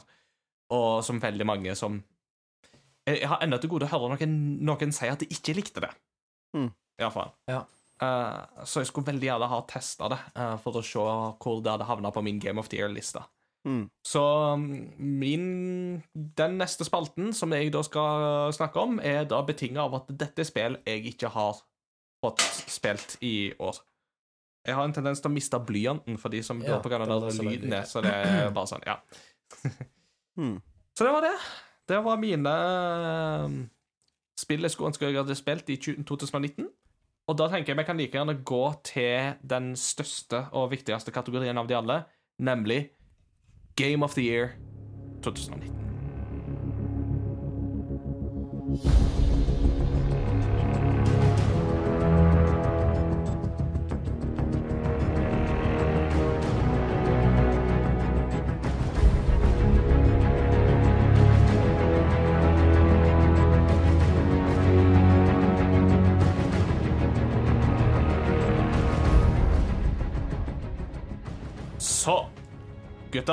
da er det på tide å ta eh, Game of the Year.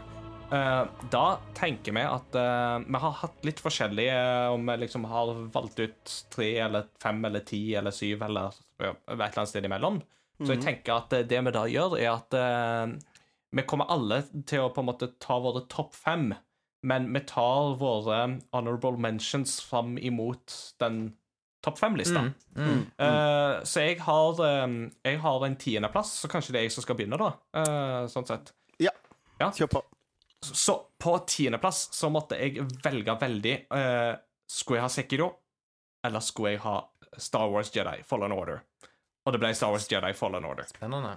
Så Sekiro kom faktisk ikke med på min topp ti-lista. Uh, Kjempeoverraskende for alle som har hørt på. Men, ja, det var den, overraskende for min er, den er litt kontroversiell, det vet jeg, for den har jo Mm. gått hen til Game of the Year hos mange, men sånn er det.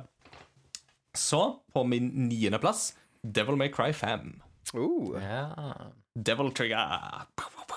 Det var kjempe... Jeg hadde det bare gøy hele veien. Så gøy spill. Mm. Mm. Nummer åtte, uh, Fire Emblem Three Houses. uh. Der kom den inn på min topp ti-lista. Ikke så høyt som jeg kanskje skulle ha hoppet, men fortsatt en veldig veldig høy plassering. Mm. Så er det nummer syv. Da tror jeg at eh, en av dere andre òg har en eh, honorable mention. Ja, Mats Jakob har en der. Uh, uh, ja, Min- mi- mi- ja vel, skal du ta dine ferdig, eller skal jeg ta min ja. åtte? Du kan ta din nummer syv nå før. Ja. Nei, kan eller- ikke du ta opp til fem, og så tar jeg opp til fem okay. etterpå? Ja, ok, ja. Så nummer syv for min del Control. Control, Ja. Veldig gøy spill som kom Eller det, det, du, vi venta jo på det, men at, at det skulle være så bra, det hadde jeg faktisk ikke forventa. Så det var, det var ikke mye som skilte det fra å komme enda høyere. Mm, uh, og nummer seks, og denne tror jeg vil overraske Mats Jakob, Baba Is You. Uh, nice! For det har jeg spilt nå siste veka, og Og det det er så er- gøy! Så sykt gøy. Sykt gøy og sykt vanskelig. Ja, det er åh Det er, Ah. Det er en sånn hjernevrengespill. Jeg elsker det. Ja. Men uh, Baba is fun. Mm. Baba is win. ja. Baba is win, ja. Baba is honorable mention. Yes. Den, skal du, den var god. Og den skal du Endelig klart det, Ja, det var, den, den, den skal du få tre Zabuton-puter for. Eh, vet du hva, det var Mozart-kule, og jeg tror det var 2019s uh, Christians eh, 2019-vits. Ja. Gå ut med et smell. Absolutt. Så, Mats Jakob, eh, dine honorable mentions. Yes. På uh, min åttendeplass Jeg hadde da bare åtte spill jeg syns var viktig nok å nevne. På min åttendeplass har jeg Gatto Roboto. Ja. Dette her er Gameboy-inspirerte Metroidvania-spillet hvor du spiller en kattepus. Kjempekult.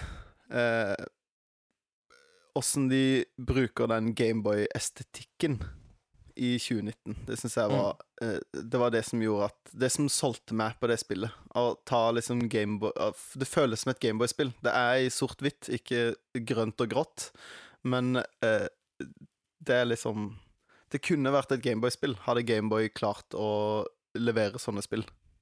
Ikke sant? Eh, Kjempebra og veldig gøy humor. På syvendeplass har jeg et spill som jeg tror hadde vært høyere på lista hvis jeg hadde fått spilt det mer. Der har jeg Greedfall. Ja. Eh, verdenen er utrolig spennende. Det er Mm. det som virkelig selger meg på det spillet. Jeg er utrolig nysgjerrig på den verden. Jeg har lyst til å lære mer om Jeg, har lyst, jeg er sugen på law. Mm. Eh, og det syns jeg er et godt tegn for et spill. da Veldig Når det på en måte får meg til å ønske å spille bare fordi jeg har lyst til å vite mer.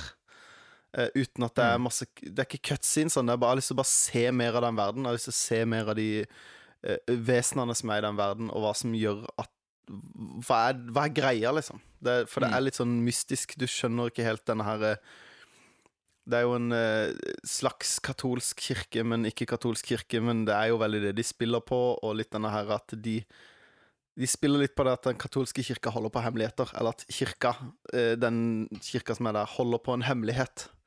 At Mm. de som er høyt oppe, vet noe som folk ikke vet. Mm. En sånn maktsak, og det er veldig spennende, syns jeg.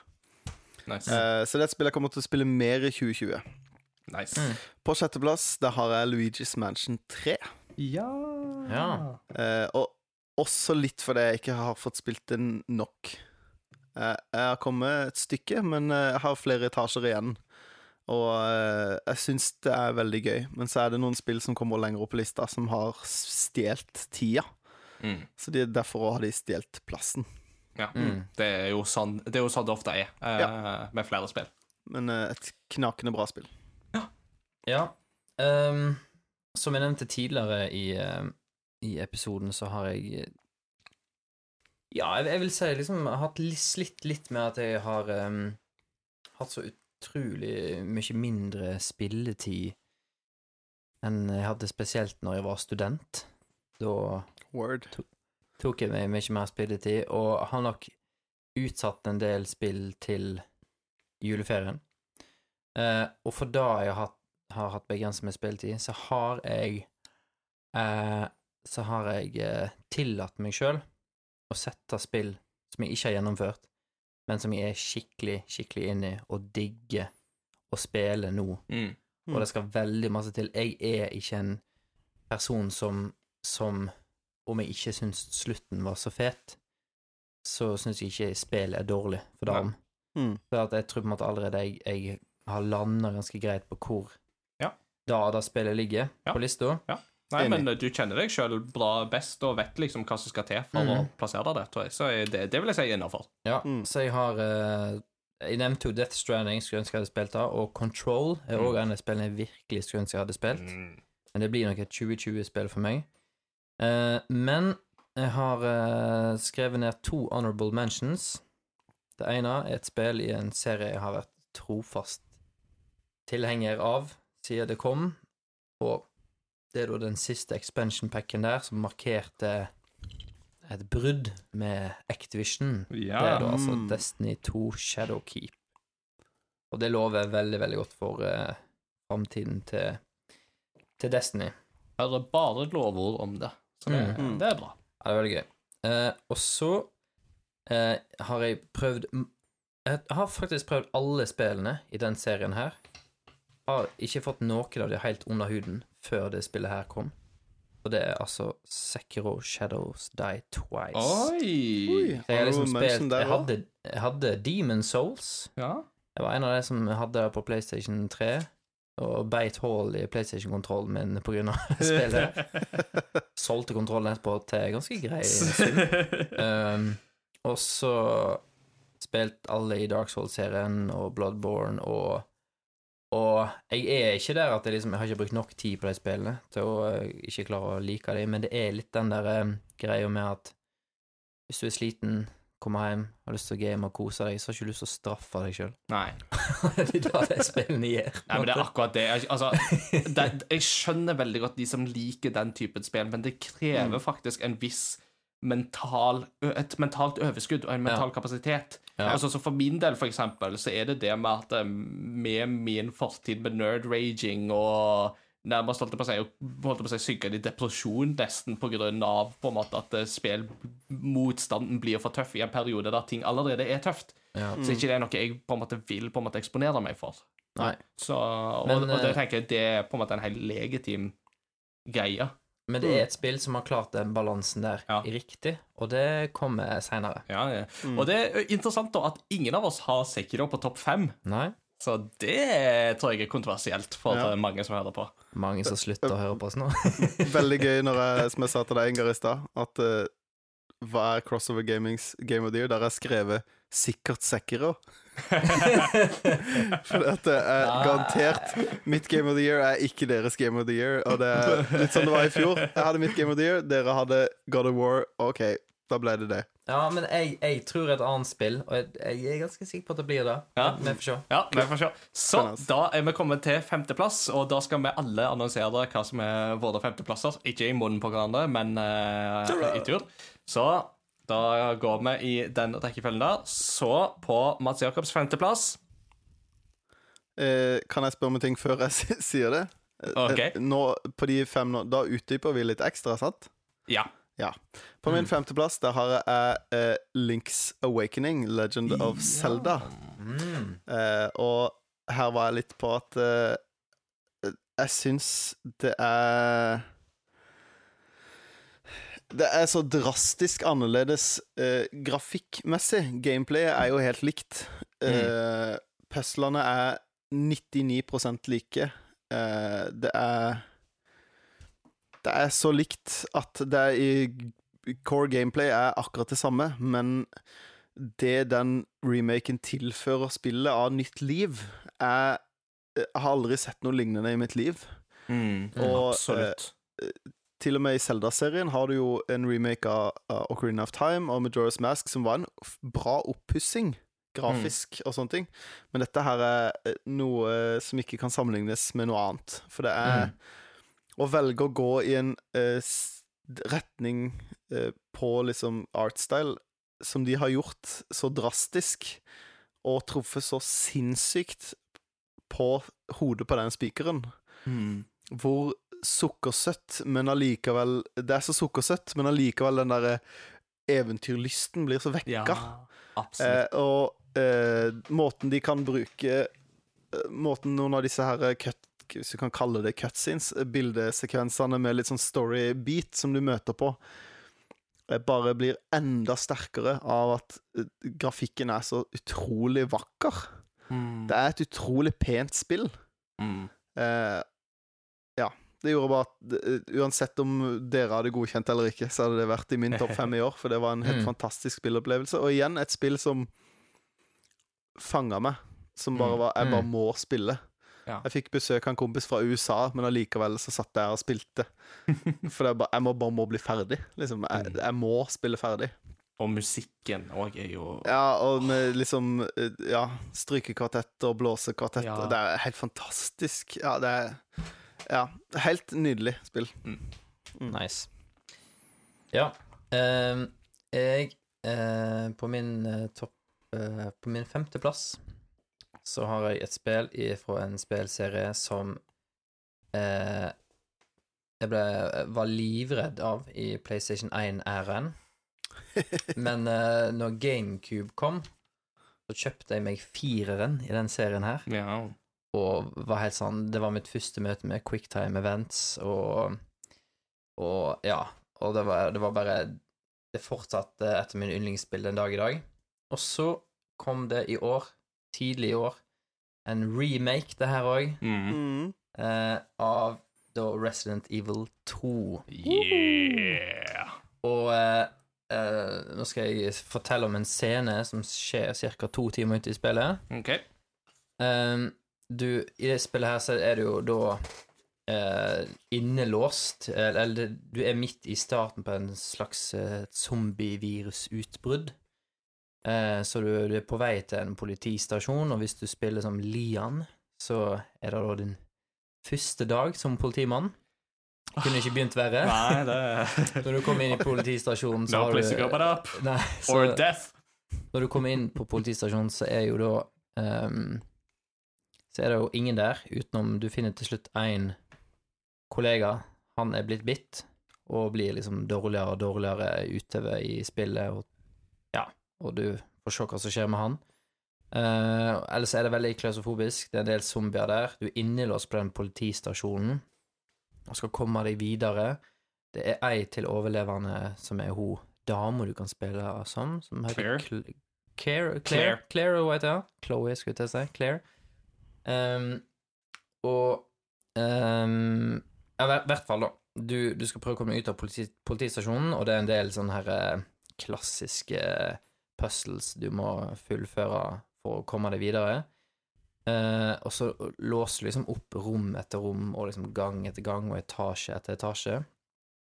Og når du eh, eh, Når du ganske tidlig, så er det et helikopter som krasjer inn i bygningen. Eh, og så brenner det, og så må du finne sprinkleranlegget, skru det på, sånn at brannen i det helikopteret slukker, og da kan du gå forbi helikopteret. Og når du da har fått på det sprinkleranlegget, fått slukka brannen, finner den gangen hvor helik helikopteret er liksom most inn i veggen, og nærmer helikopteret, plutselig så rives helikopteret opp og blir slengt ut, og så står det Mr. X, en svær mutant foran deg, og du i trenchcoat, I trenchcoat og hatt. og du bare Shit. Og så går han med iskaldt mot deg. Og du bare. Du skjønner at du må flykte, og så da, da er det plutselig tilføyd et nytt gameplay-element i spillet, som er da Mr. X, som er på jakt etter deg. Mm. Og veldig ofte så kan du liksom høre han i etasjen over deg, at det knirker i gulvet, bare gong, gong, gong. Og så kan du plutselig høre kong, kong, gung. Da har han skjønt hvor du er, og så da begynner han å springe etter deg, da, nesten. Vanvittig bra lyddesign. Ja, ja og fytti Og det er veldig gøy å se hva folk har modda av Resident Evil 2 og putta inn i stedet for Mr. X. Så der hadde de putta inn alt ifra It, eller Pennywise, Ja. eh, til Goose ifra Untitled Goose Game. Så plutselig så bare rives helikopteret vekk, og så Fuck! Og Thomas-toget var ganske fett. Ja, ja, Thomas-toget var jo veldig tidlig ute, da. Ranking, king, king, king, king, king. Dum. Ja, Nydelig, nydelig. Yes. Eh, veldig gøy at du har det på femteplass, for det hadde jeg òg.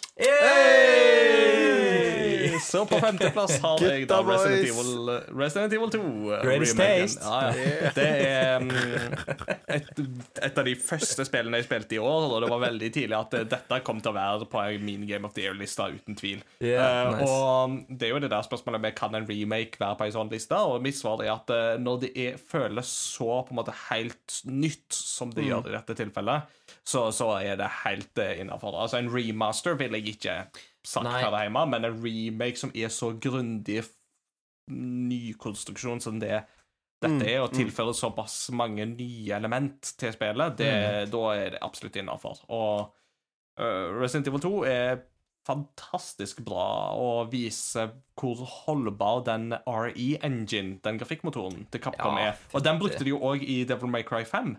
Ah. Som jo også viser hvor fleksibel den er, for den takler førstepersons skytespill, tredjepersons skytespill og tredjeperson hack and slash eh, action-spill. Kult. Veldig variert og fleksibel grafikkmotor. Ja, veldig, veldig stilig. All right, så det var våre femteplasser. Da tar vi nummer fire. Yes. Uh, den her eh, eh, er kanskje den mest diskuterbare av mine, mine men Oh, uh, det er et spill jeg har spilt veldig mye i år, men det er ikke TV-spill.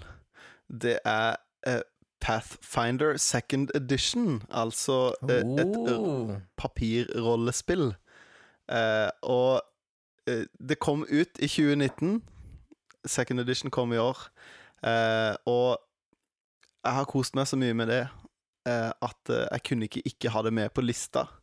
Eh, for jeg har kost meg mer med det enn jeg har med Luigi's Mansion. Eh, og eh, hva skal jeg si Dette er min liste, så dere kan være så sure dere bare vil. men, men, eh, men det er noe med det sosiale aspektet og det fantasiaspektet med å spille det. Og den Det at det er så grundig. Du må på en måte sette deg inn i så mye for å få det til. Det, hadde jeg sittet alene med en konsoll og skulle gjort det, så hadde jeg ikke gidda. Nei. Men det sosiale aspektet rundt det, hvor det er eh, Når man spiller gamle, gamle RPG-spill, sånn typ sånn som en snakker om Arx Fatalis, litt sånn gamle PC-RPG-spill, så, så skjønner man på en måte Jeg har større forståelse for de spillerne. De gir meg mer glede etter jeg begynte å spille rollespill. Mm. Fordi at de er i praksis Da prøvde de fremdeles å lage Dungeons and Dragons i TV-spillformat. Ja. Det har man jo slutta med. Mm. Det er ikke lenger et, et ønske folk har, er mitt inntrykk. Det er liksom Hva et TV-spill-RPG er så etablert nå, at på en måte man går ikke dit lenger, men det er veldig gøy å gå dit for å på en måte lære om røttene, da. Mm. Eh, og så er det fryktelig sosialt, og det er veldig Jeg lever meg enda mer inn i rollene der enn jeg gjør i et TV-spill-rollespill. Fordi at Mm. jeg sitter der, og det er jeg som snakker. Det er jeg som Mm. gjør ting. Det er jeg som må på en måte gjøre eh, ditten og datten. Og den tingen at alt er mulig, det er det ikke i et TV-spill. Det aspektet kan du ikke fange inn i et TV-spill. At liksom eh, Hvis jeg vil, så kan jeg gå bort og, og, og liksom kappe hånda av en NPC. Mm. Det kan du ikke gjøre i et TV-spill, med mindre de legger opp til at du skal kunne gjøre det. Men i et rollespill så kan jeg gjøre hva jeg vil, og så er det opp til den som er DM, til å fortelle historien, til å si hva som skjer. Det er Mm. ikke liksom Nei, det får du ikke lov til, men det er Oi, nå må jeg respondere på det du gjorde nå, som er helt batshit Mm. crazy. Uh, uh, hvorfor gjorde du det? Uh, OK, nå må jeg gjøre noe med det. Og det elementet er en ting som har gitt meg en større glede av TV-spill. Du Mm. skjønner, skjønner hva jeg mener? Derfor er det på en måte på den lista, fordi at Ja, det har gitt meg en større glede av, TV, av rollespill, av TV-rollespill, på grunn av at jeg har spilt det og klart å sette meg mer inn i penn og papir-rollespill. Ja, veldig bra. Vi har jo snakka litt om det med Star Wars Nights of the Old Republic tidligere, da, som jo Mm, også er litt, baserer seg jo veldig på den der pen and paper-modellen, ikke sant, og Ja. med terninger og sånt, så det er veldig, veldig forståelig, det som du sier. Men litt juks. Ja, du hadde ikke fått den på Game Rector sin Game of the Year-lista. Absolutt ikke. sikkert. Men eh, på, dette, som du sier, dette er din lista, dette er din podkast. you make the rules. Eh, Yes. Akkurat som i et uh, papirrollespill. Oh yeah. Yeah, Så det er bra meta. Yes. eh, min nummer fire er eh, Er det også nevnte- Pathfinder? Nei. Ja. Jeg nevnte tidligere i podkasten at eh, eh, det spillet som jeg endte opp med å bli mest hypa på, eller hadde den største hype-toppen, var et spill som jeg startet med å være skeptisk til, Mm. og litt negativ. Det samme var jeg til det spillet her. Eh, Jeg var ganske negativ til det tekniske, og jeg, jeg var ikke sånn at jeg las masse kommentarer om det på Reddit og YouTube og sånn, men jeg bare jeg, jeg, Ja, det var min egen mening, da, at liksom, jeg syntes det her var litt sånn Kunne se litt sånn skuffende ut, og viste ikke så veldig godt i trailere og sånn. Men eh, så har jeg ei kone som er veldig glad i Pokémon-serien. Og så tenkte jeg ja, ja, jeg kjøper det til henne når hun er ferdig med eksamen, liksom førjulsgave. Og sendte jo opp med å kjøpe meg en, en eh, brukt Nintendo Switch Lite, som sagt. Mm. Så fant jeg ut at hei, det går jo an å spille Begge to kan jo spille det spillet her samtidig. Og så har vi sittet på hver vår Switch med hvert vårt, eh, hver vår save-file, på en måte. Og så har jeg spilt det her, og så er jeg bare OK, animasjonene er jo egentlig ganske bra. De er jo egentlig ganske fine. Det er en ganske bra Pokemon, ny Pokémon-generasjon, det her. OK, Uh, veldig kult det de har gjort med gymsystemet gym-systemet her. Mm. Og så har jeg bare Hver kveld når jeg skal legge meg, så har jeg en time på sengen hvor jeg sitter og spiller Pokémon Sword. Nice. Og uh, det her er en av de spillene som jeg har på lista, som jeg ikke har gjennomført, men jeg er så dypt inni det, og det har allerede nådd en sånn topp i spillglede at det, det fortjener Uansett om det går litt nedover eh, ifra her, hvis det gjør det, Mm. så er den toppen som det ligger på nå, verdig en fjerdeplass på, nice. um, på lista her. Gøy å Mm. høre. Og jeg er så spent på hvor jeg kommer til å plassere Pokémon uh, når jeg har fått prøvd det. Mm. Uh, Mm. Det er gøy at du går for The Sword, for det er jo den jeg kommer til å gå for ene og alene pga. Surfetched. Altså yeah. utviklinga av Farfetched med liksom et sverd og skjold og ser så galant Ja, ut. for Altså. den er ikke i Shield. Nei, den er ikke Sword-eksklusiv. Visste jeg ikke. Jeg har jo Farfetched i teamet mitt nå, Ja. så visste jeg ikke at Ja, den var eksklusiv. var Men da må jeg bare glede meg, nå. Ja. Kult. Nei eh, eh, Jo, jeg syns det f- En eneste grunn til at jeg gikk for Sword, var jo fordi at jeg hadde Pokémon blå da jeg var barn. Derfor har jeg gått for Sapphire Ja. og Moon, og eh, nå Sword, som er da det blå spillet. Mm. Riktig. Riktig. Skjønner. All right. Ingar. Nå har vi ikke delt fjerdeplass uh, her. her uh, ah, nei, det brøt med Det brøt med mønsteret allerede. Uh, men eh, fjerdeplassen min er litt eh, Jeg har ikke tenkt på det før nå, men det er veldig gøy, for det betyr at det er eh, to spill av eh, samme utvikler. Men det var det jo for så vidt med Capcom og, og for så vidt med Resident Evil og sånt. Mm. Men på fjerdeplass så finner vi Apex Legends. Ja eh, av Respawn Entertainment. De samme som da lagde Star Wars Jedi Fallen Order. Eh, jeg har hatt det så gøy med Apex. Jeg hadde det langt mer gøy enn det jeg så for meg, for det var et spill jeg var veldig negativ til da de annonserte det. Fordi det var sånn Åh, virkelig? Skal enda noen flere til å henge seg på Battle Royale-bølga? Og dette får meg istedenfor Titanfall 3, liksom. Det er sånn Why?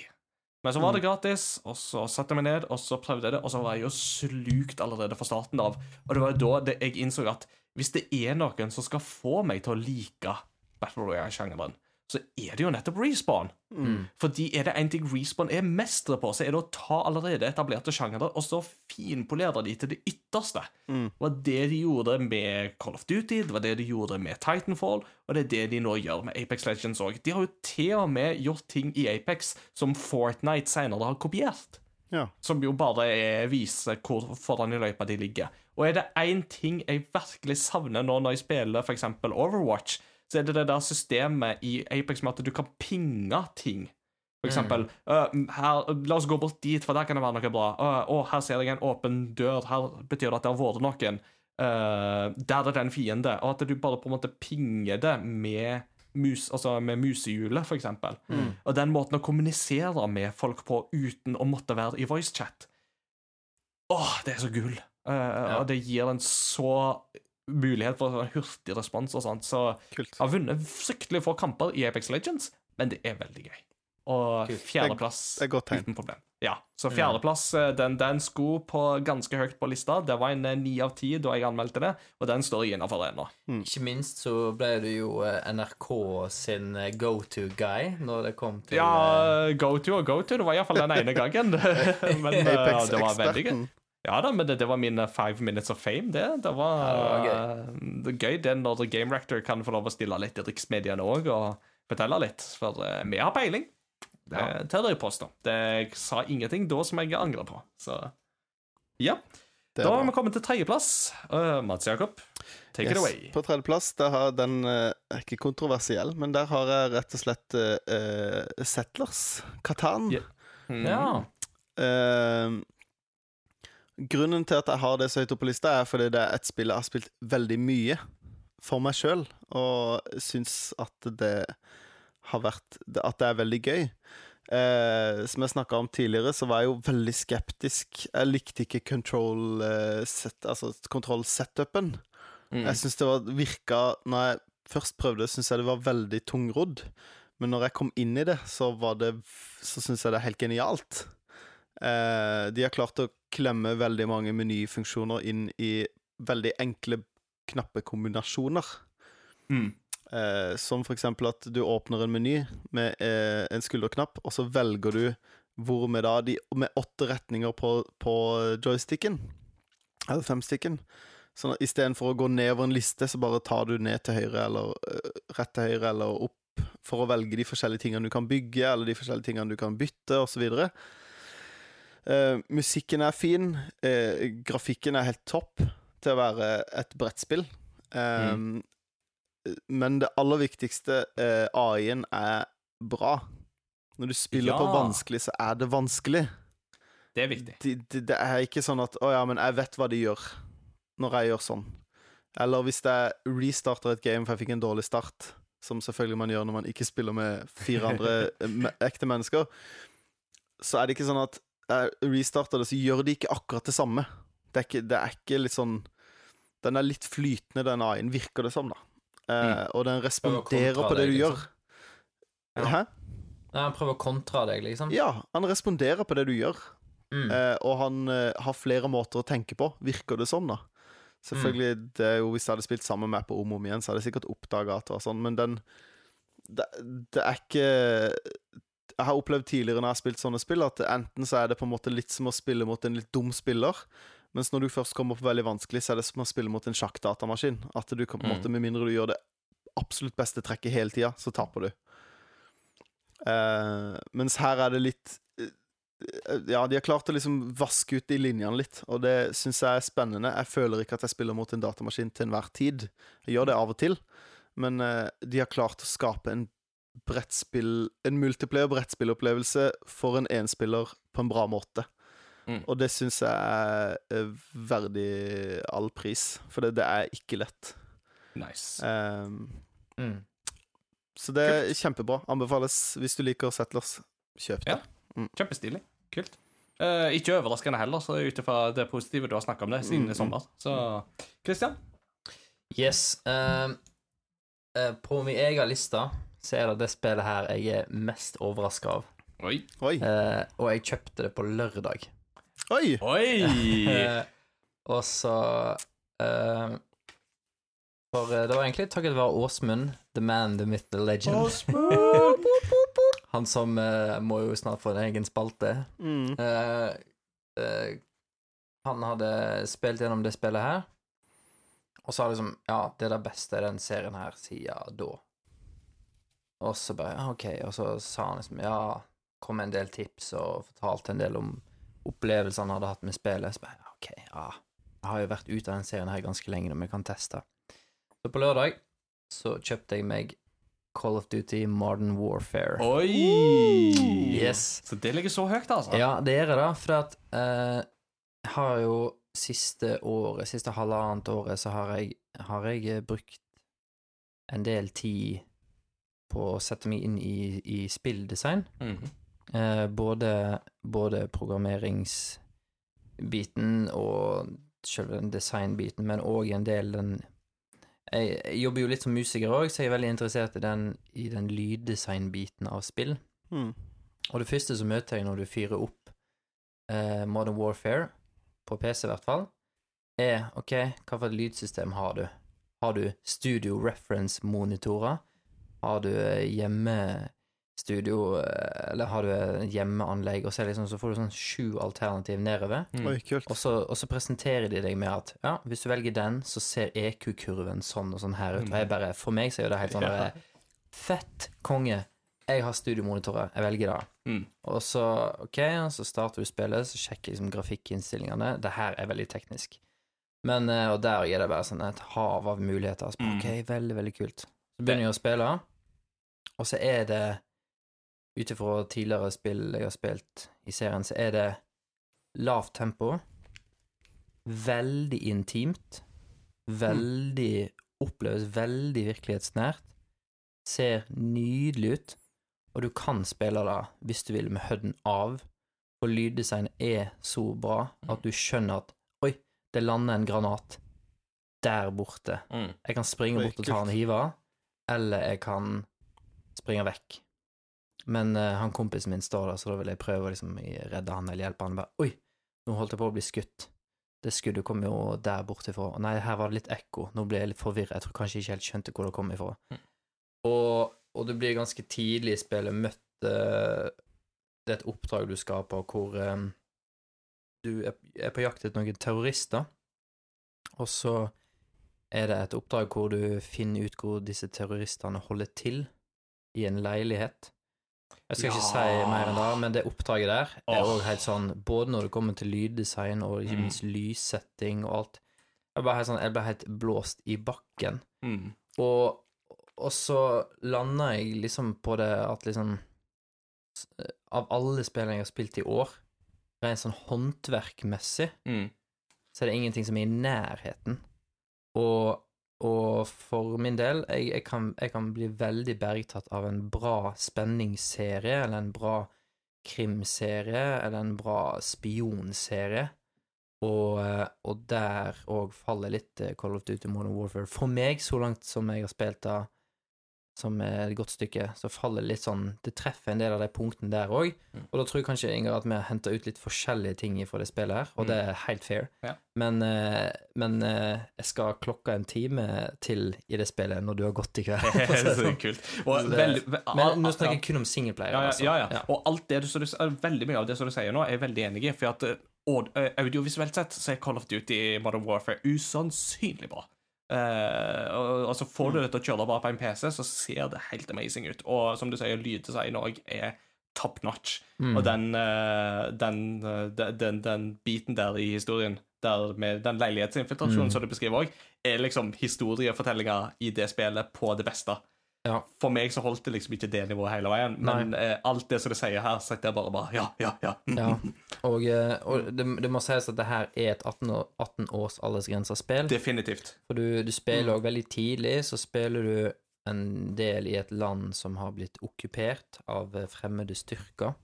Og da får du en del litt sånn tøffe scener. Mm. Og i den leiligheten her så opplever du litt tøffe scener. Det er ganske virkelighetstro, eh, Ja. og det er dermed ikke for barn. Det tror jeg men det, altså, det må en bare på en måte understreke helt umiddelbart. Altså, det Jeg ville ikke Jeg ville vært veldig streng altså hvis 16-åringen Altså, nå er jo ikke jeg forelder, men hadde 16-åringen sagt å, jeg vil ha Call of Duty Modern Warfare, så hadde jeg sagt nei.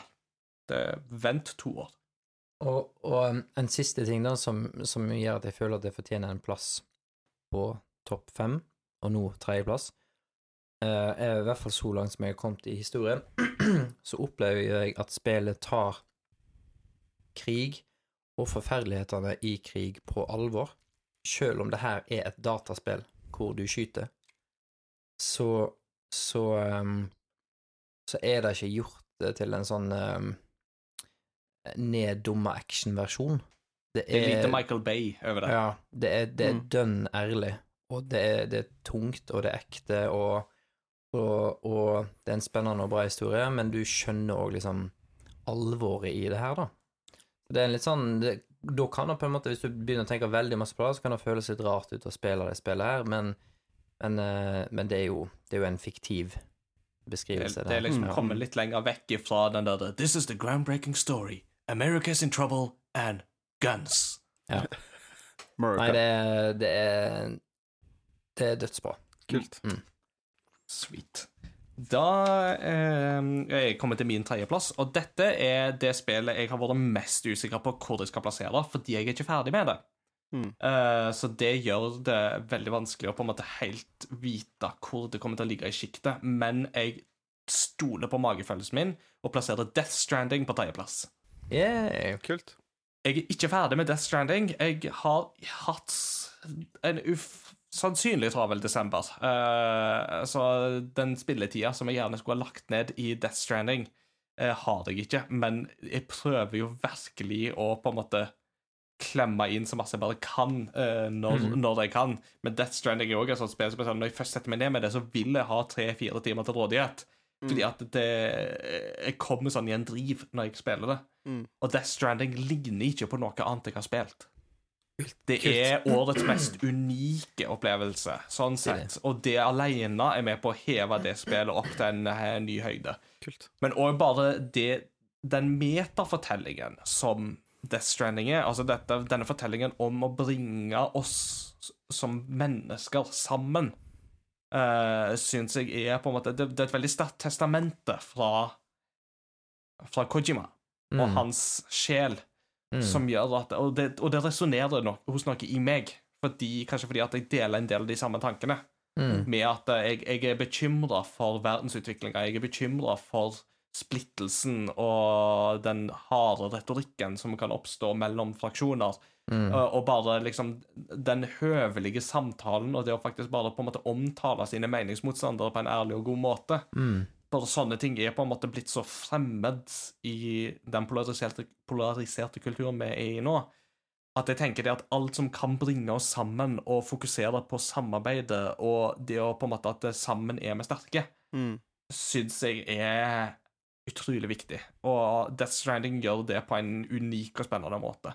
Og så er det jo det hele dette her greiene med at det er et Kojima-spill med alt det det medfører av crazy ting og ekstrem filosofering som noen ganger som bommer mer enn det treffer. Men allikevel, det er noe eget med det som jeg liker veldig godt. Og det er, Jeg har snakka om det i siste episode òg, men det er jo ikke i nærheten av å være sånn David Cage-pretensiøst, sånn som Mm. Uh, Beyond Two Souls eller Heavy Rain eller uh, Detroit Become Human uh, fort risikerer å bli. Mm. mm.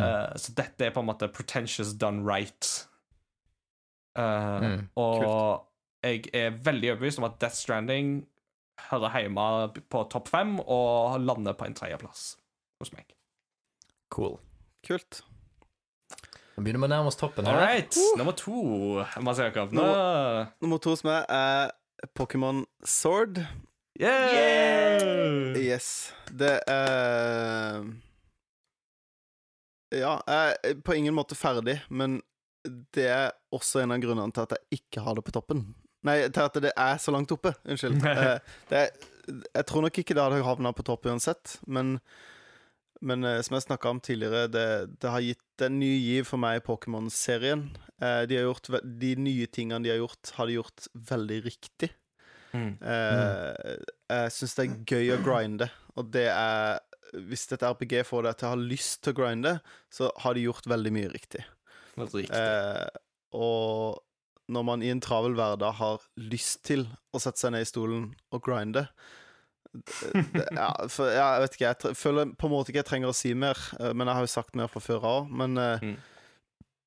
men eh, de har gjort litt De har gjort nok nye ting til at det føles friskt men holdt seg til nok av det gamle til at det føles som mer Pokémon. Eh, og jeg syns det er Ja, det er helt topp. Jeg, ja. jeg, koser meg, og jeg har ingen hast med å komme til Elite Four og Jeg vet ikke om det er Elite Four engang. Altså, jeg, har ikke, jeg har ikke noe hast om å komme meg til liksom sluttspillet, da. Jeg har, ikke, jeg har ikke noe behov for å bli ferdig fort. Mm. Eh, og det syns jeg er kjempefint, og det passer meg mm. veldig bra. Ingar? Eh, jeg må spørre dere som har begynt på Pokémon, hva startere har dere valgt? Eh, uh, jeg husker ikke hva han heter. Fire. Score Bunny. Ja. Samme her, faktisk. Ah, og Katrina. Kono har valgt samme. Men, så kanskje jeg må velge den der uh, gråtende ja. uh, på å si rumpetrollet? Som vokser opp og blir Gråtende rumpetroll. Nei, jeg, jeg valgte første gang Da jeg spilte Pokémon Blå, så valgte jeg Bolbazar. Altså gress. Når jeg Mm. spilte Pokémon Sølv Gress! Gress! Når jeg spilte Pokémon Sølv, så valgte jeg eh, Jeg husker ikke hva den krokodilla heter engang. Totodile. Tuttedile er det. Å, det var en bra Pokémon! Ja, Den siste dødsbra. utviklingen der. Mm, det var Fytti, det var en T-rex, liksom. Ja. Ja, T-rex krokodille. Eh, Ja, hva er den dritstilig. Den heter eh, eh, Jeg husker bare hva jeg kalte min Tottodile, for den kalte jeg for Abcoble. Så fet var jeg når jeg var, elleve. jeg 11. Eh, sånn at det- den, når, Yeah. du, når du gir kallenavn til Pokémon, så heter han jo det samme hele tida. Ja. Den bytter jo ikke navn når han utvikler seg, så jeg aner Nei. ikke hva uh, stage 2 av Tutodile er. Men det er et eller annet jeg husker ikke, jeg heller. Uh, Helt sikkert noe sånn chompedump eller et eller annet sånt. Champadamp. Nei. Men uh, etter det så har jeg alltid valgt flammestarter, og det er en ting jeg syns de har gjort bra med det spillet her, for grunnen til at hvis jeg spiller et gammelt Pokémon-spill, så velger jeg alltid en flammestarter, for flamme-Pokémon tar det alltid veldig lang tid før du får tak i. Mm. Og i Pokémon Blå Ja. så får du jo ikke flamme-Pokémon før eh, Med mindre du fanger Moltres, så får du jo ikke flamme-Pokémon før Gym 7. Mm. Nesten helt på slutten av spillet. Mm. Eh, og det er jo en sånn I Pokémon-spill så er det jo veldig elementær eh, En veldig elementær eh, eh, Hva skal jeg si Ability å ha, da. Å ha flammeangrep. For det er det som er best mot gress. Og spesielt i de tidlige, tidlige Pokémon-spillene hvor de ikke har eh, dual uh, types. Altså, du kan ikke ha være både bug og gress, der alle bug er gress. Eller du kan ikke være psychic og noe annet. Mens det har du jo nå. Så det er, men Pokémon Sword and Shield, der er det sånn Du kan finne alle typer med en gang. Uh, Og det syns jeg er fint, for da kan du på en måte tidlig begynne å bygge det du på en måte ønsker at skal være din liksom sterke dine sterke, sterke seks Pokémon, som du har bygd Mm. på lenge og forma. Mm. Eh, I den grad man kan forme de Pokémonene. Mm. Ingar. Det er jo spennende. Uh, jeg bare kom på, Kan du ikke fange Volpix og Ponyta ganske tidlig, i, altså mye tidligere enn Gym 7 i uh, første generasjon? Jo, jo, jo, man kan ja. sikkert det. Jeg, jeg bare jeg, jeg gjorde aldri det. Nei, men, okay. det... men det, er sikkert, det er sikkert mulig. Men uh, Altså, jeg, jeg er enig i at Magmar er tøffere enn Ponyta. Så Ja, det ja, er ja. jo ja. Men, sant, man, men igjen, det går jo tilbake til det. Du vil jo ha Charizard. Ja, ja, Charizard det- det er er, mye Er jo den fet, mest badass Pokémon som fins. Det.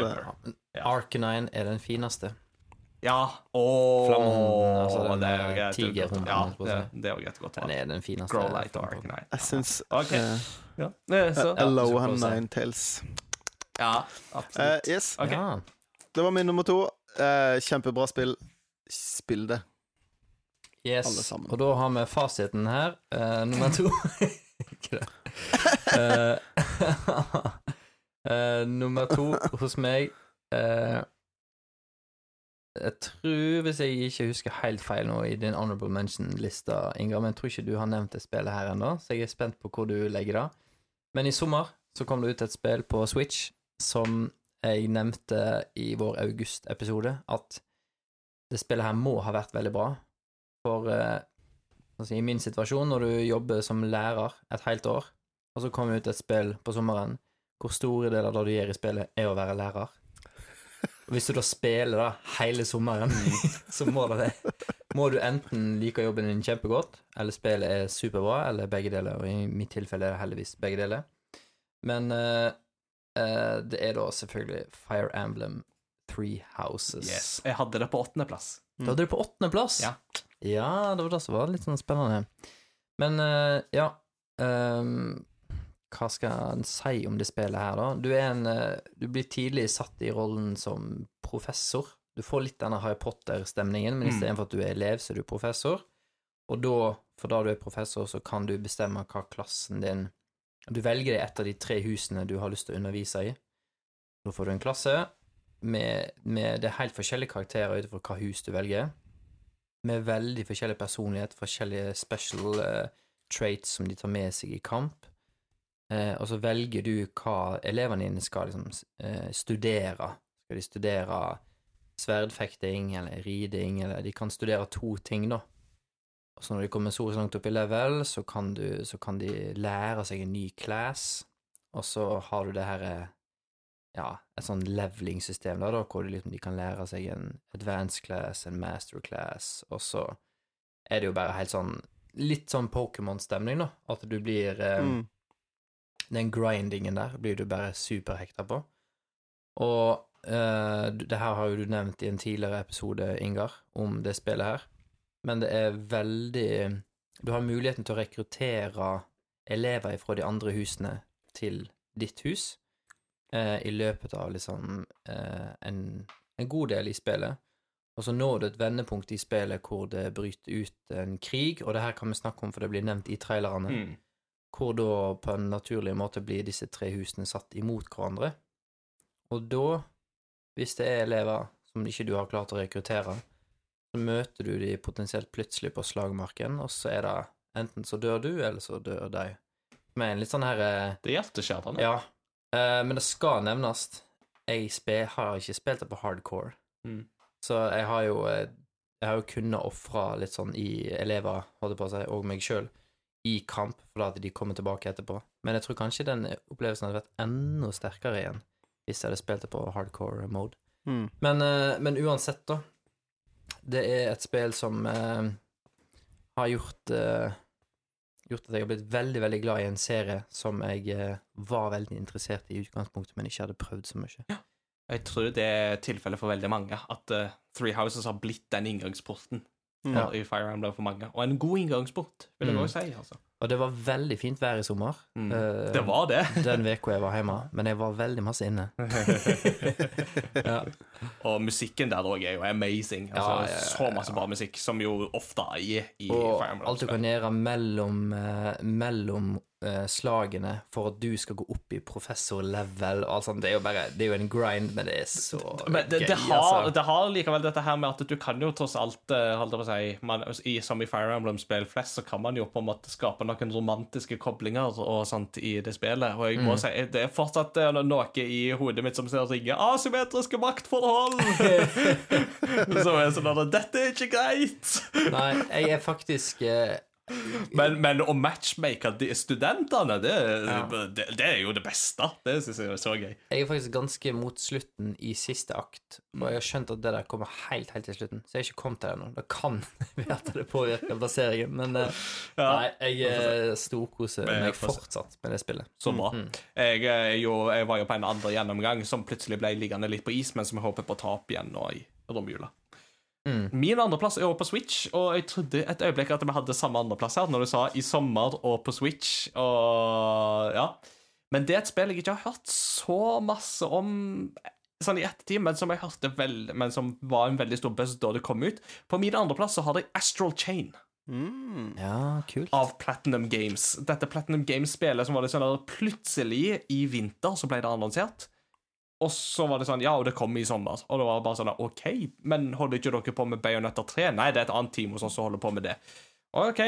Settes ned med Astral Chain, og det er så Bare fra start til slutt så var det spillet gøy. Uh, å snakke om bra musikk. Det spillet har årets beste soundtrack. Mm, Uh, Syns jeg, da. Um, usannsynlig fet musikk. Eh, og bare gameplayet i det spillet òg, med at du har uh, et sånt um, sånn åndevesen, eller hva du skal kalle det, en demon, eh, som du bare på en måte styrer, og eh, med den her chattingen og dette samspillet dere imellom, at du kan styre den med den ene stikka, og så styrer du deg sjøl med den andre stikka, og så kan du få den til å gå rundt fienden, sånn at de blir bundet av denne astral chain, og så kan dere banke løs på den. Det er bare så kreativt og fast-paced action som er så gøy, altså. Og det ser kjempebra ut. Det utnytter Switch-maskinvaren på en veldig god måte og kjører en stabil, god spillopplevelse som er bare på en måte Ja, det, det ser kjempegøy ut. Og det er liksom anime cyberpunk at its best. Eh, og uh, ja. Veldig, veldig astig Stilig. spill. Så Astral Chain kom på en andreplass. Det kom, jeg måtte gå noen runder med meg sjøl. Skal jeg ha det så høyt? Men jeg bare fant ut at vet du hva?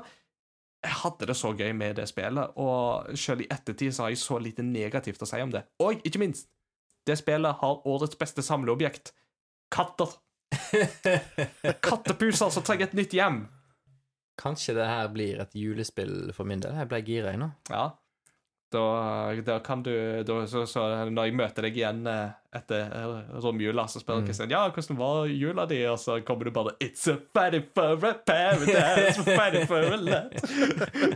da har du fått inn den jeg- anime-introen bare rett inn med en Så kommer vi med en trillekoffert full av katter. Uh, all right. Så med det så har vi da kommet til førsteplassen hos hver enkelt av oss. Mats Jakob, take it away. OK. Uh, min førsteplass uh, overrasker på en måte meg sjøl litt òg. Men uh, det er et spill som jeg første gang jeg hørte om det, var uh, på uh, Lolbua. Da var det i, Jon Cato som snakka om dette spillet, og Ja, en av de måtene han har beskrevet det spillet her på, var at du spiller det, og så blir du sur, og så går du på do, og så skjønner du hva du skal gjøre, og så løper du tilbake og spiller. Uh, og dette spillet uh, gjorde så mye nytt for meg. Det, det, eller det åpna så mange dører for hva et spill kan være, da. Uh, og for meg så var årets spill det var Baba Is You. Baba is you!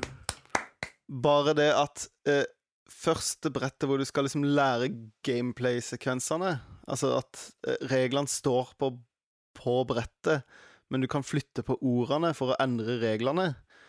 Eh, men i første brettet så kan du bare gå rundt veggen og bare gå rett i mål. Men du, du, Du tenker det ikke, for du er så opptatt av Nå lærer jeg reglene. Altså, det, De bryter på en måte barrierene. Når de skal forklare deg hvordan spillet er, så kan du allikevel da skjønne at å ja, men jeg kan spille spillet sånn.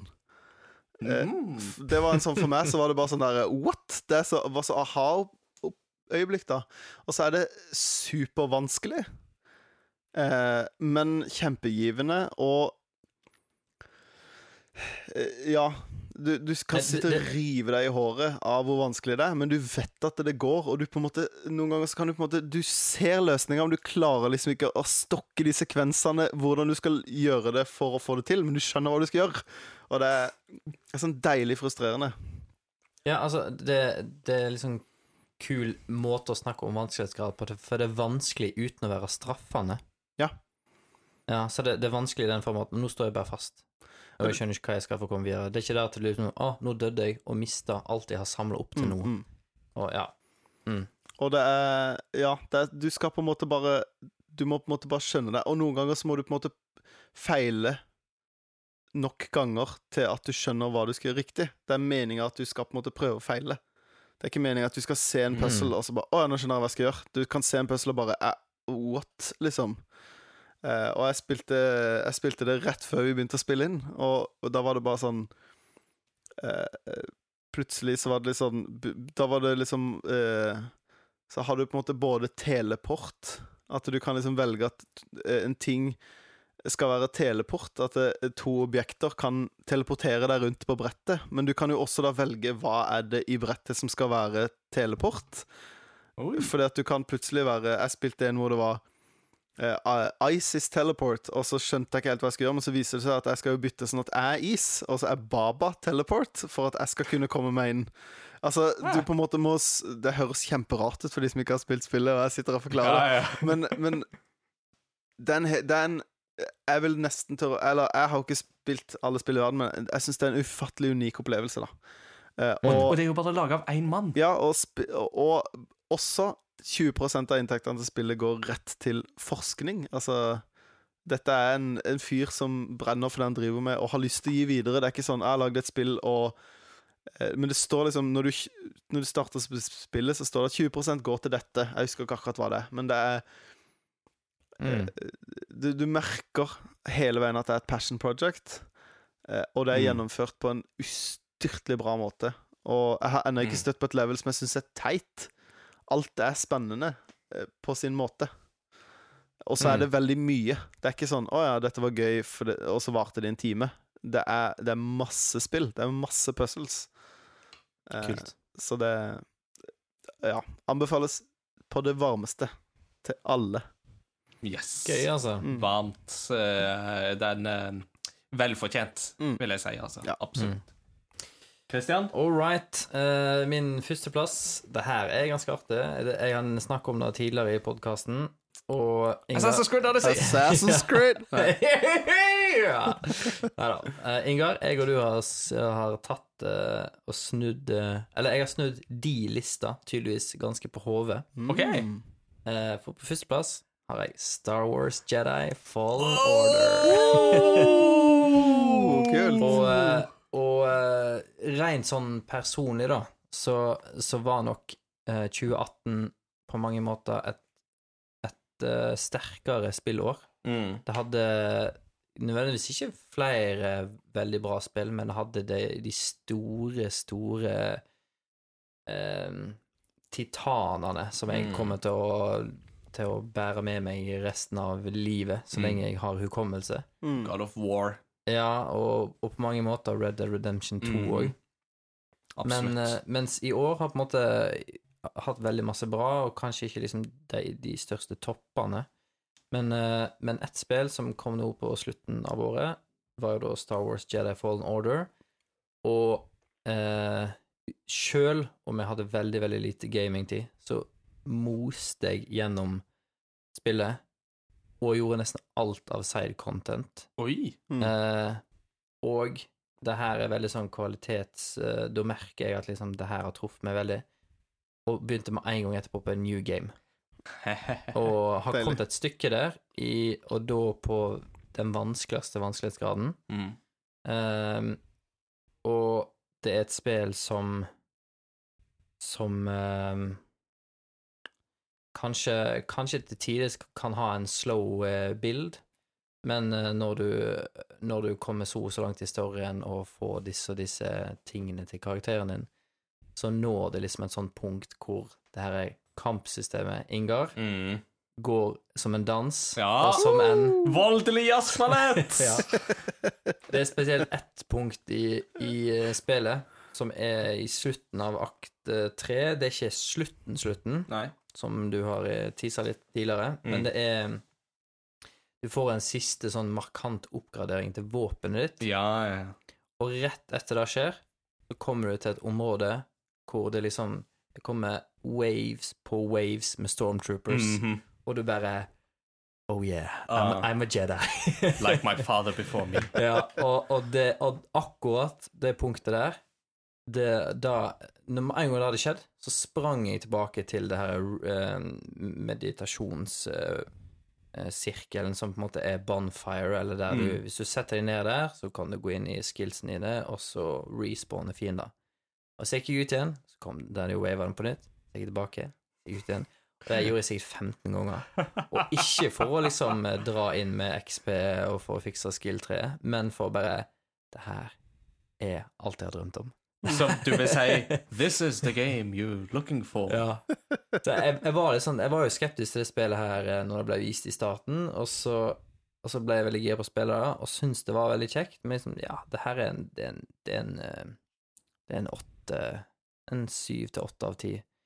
Og så ble det sakte, men sikkert bedre og bedre, mer og mer spennende, og så spesielt det punktet der, da, hvor bare da var gameplayet så vanvittig bra. Og så har det som sagt en slutt hvor du bare Yes! Så eh, ja, mitt game of the year er Star Wars Jedi Fallen Order. Et meget uh, spennende valg der òg. ja.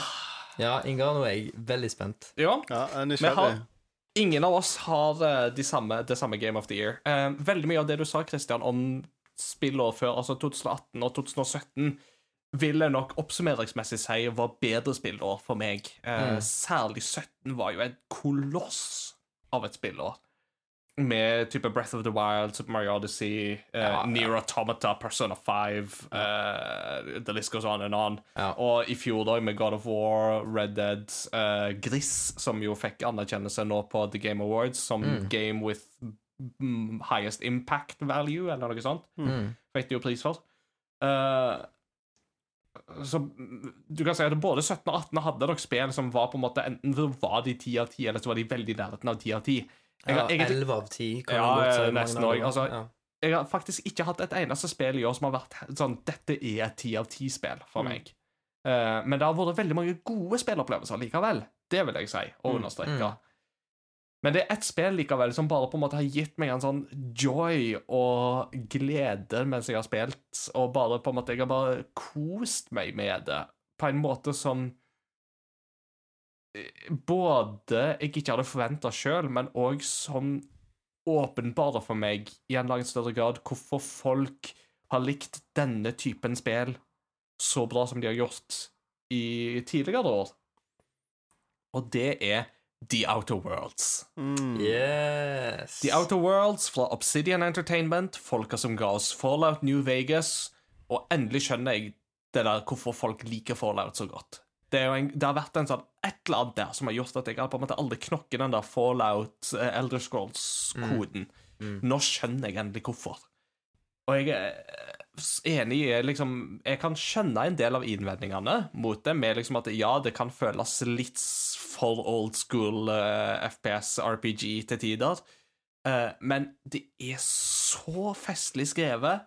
Det eh, kjører bare fint og godt uten bugs og issues, sånn som Betesta-spill eh, altså, ville gjort. Mm. eh, og bare at det hele den der settinga med liksom en corporate uh, solar system som bare er gått helt på tverke. uh, der du kan på en måte stick it to the man, eller du kan bare kjøre helt ditt eget løp, eller du kan bare sånn Nei, nei, the man han er faktisk ganske bra, han. Det, la oss kjøre på med business og byråkrati og alt sånt. Det er kjempebra.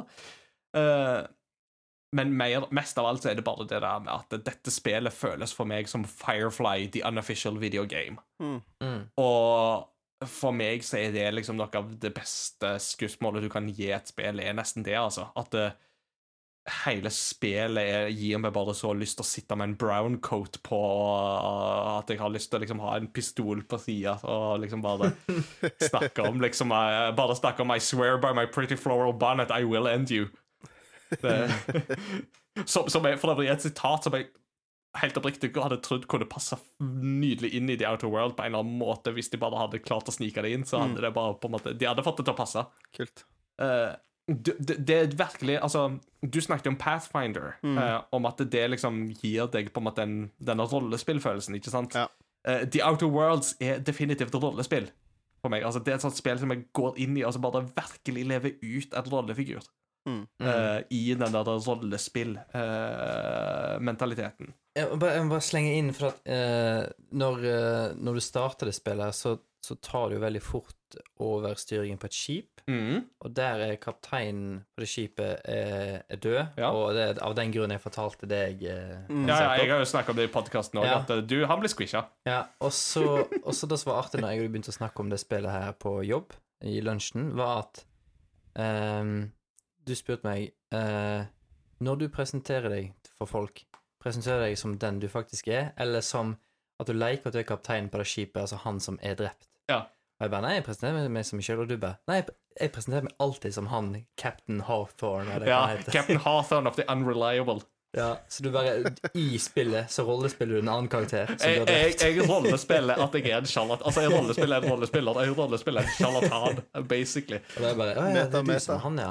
Metameter, Ja. rett og slett. Og, men òg disse her birolle, altså som du rekrutterer og møter, så fantastiske. Alt ifra liksom eh, eh, presten til mekanikeren, altså Parvati, mekanikeren. Hun er jo så så sjarmerende! Og Viker Max. Og, og og hun fikk vel altså, Det er jo Ashley Burke som har um, stemmen. Hun har jo tidligere hatt stemmen til um, Aloy i Horizon Zero Dawn og Chloe Life is Strange. Og Jeg lurer på om hun vant pris òg for beste voice capture på The Game Award.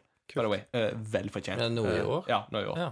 Uh, hun var iallfall nominert, og det var vel fortjent. Altså, mm. uh, og det er sånn Så mange av disse rollefigurene her som bare Åh, Nei, jeg bare storkoser meg liksom hele veien gjennom, og det, det, det var ikke liksom så veldig langt. Jeg ble ferdig med det på 25 timer, og for meg så kunne det godt vært lenger. Men du merker liksom at de har skjært vekk alle dårlige quests, og så har de bare på en måte beholdt de som faktisk er gode, og forteller noe. Og det syns jeg egentlig er bedre valg enn Ja. å skulle på en måte dra det ut i det uendelige. Enig. Så for meg, The Outer Worlds, Game of the Year 2019. Nice, du. Deilig. Så med Ja. det, mine damer og herrer, så har vi kommet til det spennende punktet. Hva blir så Crossover Gamings Game of the Year 2019? Dette er jo en liten utfordring. Eh, Dette er jo en liten nøtt. Men eh, her skal jeg slenge inn et forslag. Nå skyter jeg for hofta, som om jeg skulle være Captain Hawthorne of the Unreliable. Og- Som du har most med Ja. landingsskipet Ja. Jeg har ikke spilt Pokémon, men Pokémon havner veldig høyt hos dere begge. Ja. Og det har uten tvil bemerka seg som et spill som har Altså, det har truffet en nerve hos mange og blitt på en måte kjent og kjært inngangsport i Pokémon-verdenen igjen for mange. Til tross for enkelte mangler som Dexit og, og whatnot, liksom. Men, ja, men, men, men Så, så er gaming-verden Ja, ja. på sitt beste.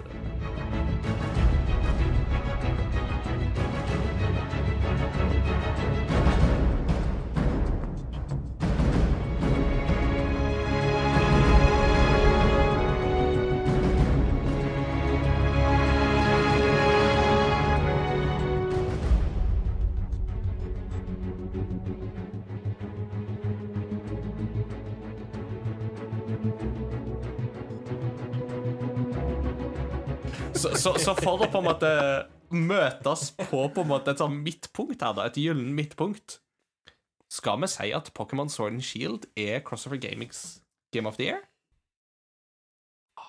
Jeg, jeg kan stå for den. Jeg, jeg, jeg står jo for den, men uh, Ja. Baba is Pokémon. Sword is you. shield is win. Oh, yes. Sword is sword, shield is shield. Nei, jeg, syns det høres smart ut, jeg. Ja. Ja, Jeg, jeg, jeg, jeg tror jo at du kommer til å like det veldig godt, du også, Ingar. det, tro- for det er det jeg godt tror. Jeg tror at Ja. Pokémon er et spill som Det er ikke sikkert at det vil havne på topp ti-lista, men jeg tror ikke det vil være veldig langt ifra. Nei. Når de får spilt det. Det får vi jo kanskje vite mer om over nyttår, ikke sant? mm. Så eh, men, men, men jeg er liksom villig til å på en måte tre litt til side og fly til en annen planet i solsystemet og heller herje der, da, så kan Pokémon være på en måte Ja. Men- Game of the Year, ja. uten at jeg syns det er noe veldig stor kontrovers rundt det. Og bare akkurat det syns jeg jo er testamentet til det spillet for jeg er ikke ferdig med det. Og Christian er ikke ferdig med det, og du har ikke spilt det. Og det er Mm. Game of the Year.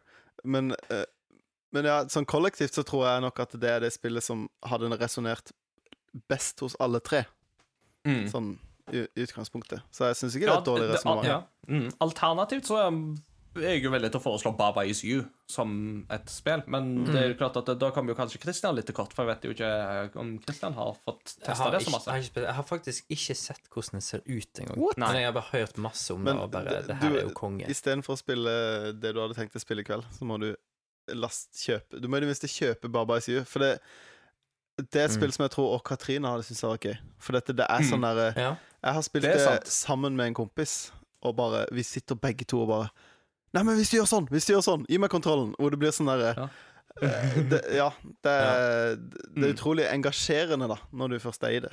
Ja. Mm. Jeg har hatt akkurat samme opplevelsen med Anja òg, da jeg sa liksom til Anja at ja, nå har jeg kjøpt Baba i You, jeg skal spille det litt, og sånt, og så er det Ja, er det det du har fortalt om med at du skyver på blokker og sånt? Jeg var bare, ja, å, det hadde jeg òg lyst til å prøve, sa hun, liksom. Så hun har ikke fått satt seg ned og prøvd det ennå, men eh, det var definitivt sånn det, det er et spill som resonnerte med noe hos henne òg, for det var så enkle Mm, mm. mekanikker. Da, så litt sånn, Baba er jo veldig søt òg, og, Ja, og sånt. da, Så Mm. ja.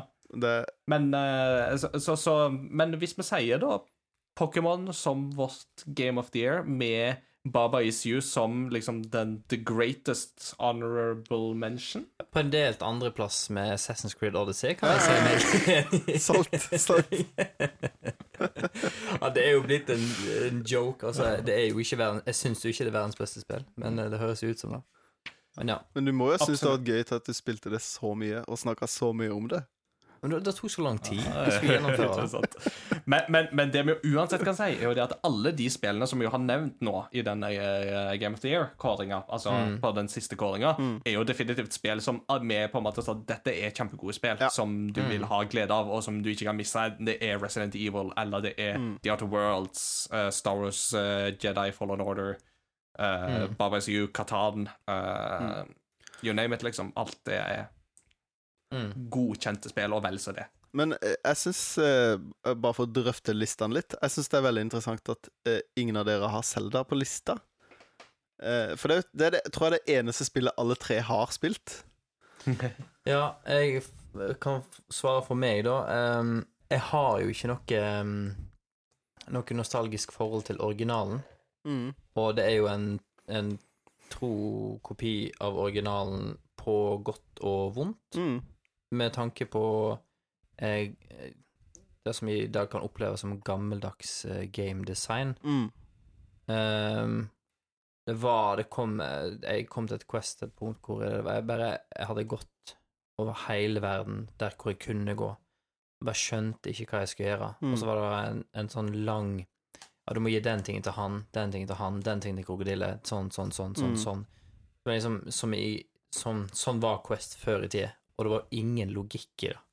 Mm. Du måtte bare gå og snakke med mange nok folk. Mm. Altså, ja, nei, og så kom det andre spill, og så Men rent sånn hvis jeg skulle gitt en pris til um, eh, beste visuell design, mm. så hadde det kjempa om topplassering der. Mm. Ja. For min del så handler det mest om at det er en remake, mm. eh, og der Resident Evil 2 føles som veld, en veldig ny spillopplevelse, så føles Links Awakening veldig som at ja, dette er Links Awakening, uh, mm. men det har jeg allerede spilt, uh, hvis du skjønner. Ja. Uh, Resident Evil 2 hadde den fordelen av at det var et Resident Evil-spill jeg ikke hadde spilt i sin fulle og hele bredde på PlayStation 1 da det kom ut. Mm, mm. Men òg bare det at det føltes bare så mye nyere og restrukturert enn det da Links Awakening gjorde. Mm. Uh, pluss at dette hadde jo noen technical issues, i tillegg til det som Christian sa med at noen ting har kanskje ikke eldes like godt. Mm. og dette var jo ting som jeg påpekte i min anmeldelse òg av spillet ja. da det kom ut. Så, men fortsatt, altså det, det, er en innertid Altså, nei, innertid er det jo ikke, uh, for, for, min del. uh, for, for, jeg, for jeg ga det jo ikke ti av ti. Men altså, fortsatt så, så jeg tenker jo det at kjøper du det og spiller det, så syns jeg absolutt at du kommer til å ha en god spilleopplevelse spillopplevelse med det. Blir veldig sjarmert, i hvert fall. Å ja, absolutt. Og mm. altså, jeg var nesten på nippet til å felle en tåre når jeg hørte Mave Village-orkestreringa. Eh, ja, den er helt Og fantastisk. den er så nydelig. Ja. Jeg bare mm. sla kontroll vekk fra meg mm. i 10-15 minutter og bare hørte på det gå i loop, og det var bare sånn der Dette er så vakkert. Mm. Hvis, hvis, vi er inne på det her, eh, og liksom hva andre folk hadde og ikke hadde på lista eh, har du spilt uh, Fire Emblem Three Houses? Mats Jakob? Det har jeg ikke. Jeg lurer på hvor det hadde, om det hadde havna en eller annen plass på lista hvis du hadde spilt det. Ja, det er vanskelig å si. Uh, det er jo et JRPG, på en måte. Ja, absolutt. Det, det, er mange ting der jeg tenker at jeg hadde likt, men uh, i mitt hode så er det liksom på papir sånn, Det du på en måte Det jeg vet om Det er en ting at et spill er komplisert når du deg Når du kommer inn i det, men jeg opplever det som det er veldig komplisert før jeg har begynt. At jeg, jeg vet at oi, her er det mye å sette seg inn i, eh, føles det som. Og så er eh, eh, Når jeg spiller sånne spill, så har jeg en tendens til å spille det Jeg har tendens til å spille det som eh, Som den vanskeligste vanskelige Altså jeg har ikke lyst til at noen skal dø i det hele tatt. Jeg er litt sånn med Pokémon òg. Eh, Det er jo et sånt fenomen som er det, hva de kaller for noe nuzlock. Når du skal på en måte Når du legger, tillegger permadeath til et spill som ikke har permadeath. At mm. dør Pokémonen din, så dør Pokémonen din. Da skal du ikke bruke den mer. Mm -hmm. jeg har litt den tendensen til å spille sånne spill, taktiske RPG-er, på den måten. da At litt sånn mm. der, ah, det, At jeg, jeg kjenner meg selv nok til at jeg begynner på nytt restarter battlen, på en måte, går tilbake til en tidligere save for å på en måte mm. ikke dø. Eh, mm. Så jeg, har, jeg, jeg, tror nesten aldri jeg har fullført et sånt spill. Mm eh, som, som, en Fire Emblem, som en Fire Emblem-veteran så kan jeg jo si at det er òg en del av skjermen med Fire Emblem. Det å faktisk klare det uten å få noen til å dø. Mm. Og det, det, er liksom en del av opplevelsen, og det er verdt det. Mm. Jeg kan jeg tror, vi må, gi det en sjanse. Ja, jeg tror vi må gå inn for en landing i, i sanntid. Så er vi snart på kvart over elleve. Mm, og har, vi har jobb i morgen, vet du, alle sammen. Ja. Så mm. da er det egentlig bare å begynne på en måte å rappe tingene opp litt. Men et fast uh, liturgisk ledd som vi aldri går vekk ifra, det er postludium. Og Christian, i dag har du fått æren av eh, å presentere Postludium for oss. Hva har du valgt for oss? Ja, det var da, da. Det var det jeg skulle kikke på i pausen. Men um, Skulle vi tatt noe ifra Barbeis U, eller? Vi hadde jo Pokémon sist gang. Mm. Vi, Så i, noe, noe fra Barba Is You. Ja, har, har du et forslag kjapt der, Mads Jakob? Uh, vi har jo hatt Baba Isu tidligere. Uh, Mm. Men da har vi det er hatt den såpass lenge siden. Ja, ja. Men uh, vi kan gjerne ta noe eh, fra noen av de seinere uh, levelene i Baba Isu. Men det er jo en veldig sånn uh, Det er òg en ting som er bra med Baba Isu. Musikken er ikke sånn Den er repetativ, men den er ikke sånn irriterende repetativ. Du blir ikke, Mm. du blir ikke lei av musikken. Den er mer sånn uh, Det er sånn god tenkemusikk. Nå tenkte Ja. jeg egentlig på en, eh, en referanse, men eh, Jo, det er litt som den der eh, tenkemusikken i eh, eh, eh, Er det et eller annet sånn amerikansk gameshow som er sånn Jeopardy? eh, Ja, ja det var det sånn dun, dun, dun, dun, dun, dun, Ja, du tenker på Ja, i Jeopardy så har du jo dun, dun, dun, Den, ja. Feil intervaller, sang jeg nå. Dun, dun, dun, Dun, dun, dun. da, da, da, da, da, da, da. Ja, for den er sånn Den er på en måte ikke i veien, men den er litt sånn Ja, det skjer noe mens du tenker, på en måte. Mm, Eh, sånn Ja. er litt den musikken. Men eh, absolutt bedre enn den Jeopardy-melodien, da.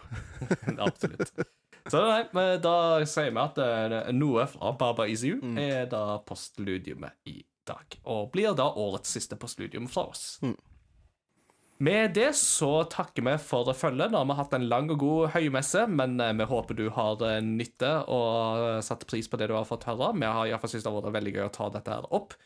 Husk å like oss på Facebook og Instagram hvis du ikke allerede har gjort det. Fortell dine venner og kjente om oss. Nå i romjula, så, eller i jula, så vil du jo treffe på slekt og venner og sånne type ting, så kanskje tips de om eh, Crossover Gaming, den uh, spillpodkasten med det lille ekstra. Eh, forhåpentligvis, så eh, det hadde vært veldig kjekt hvis du hadde gjort det. Mm. Benytt julehøytida til å være sammen med de du er glad i.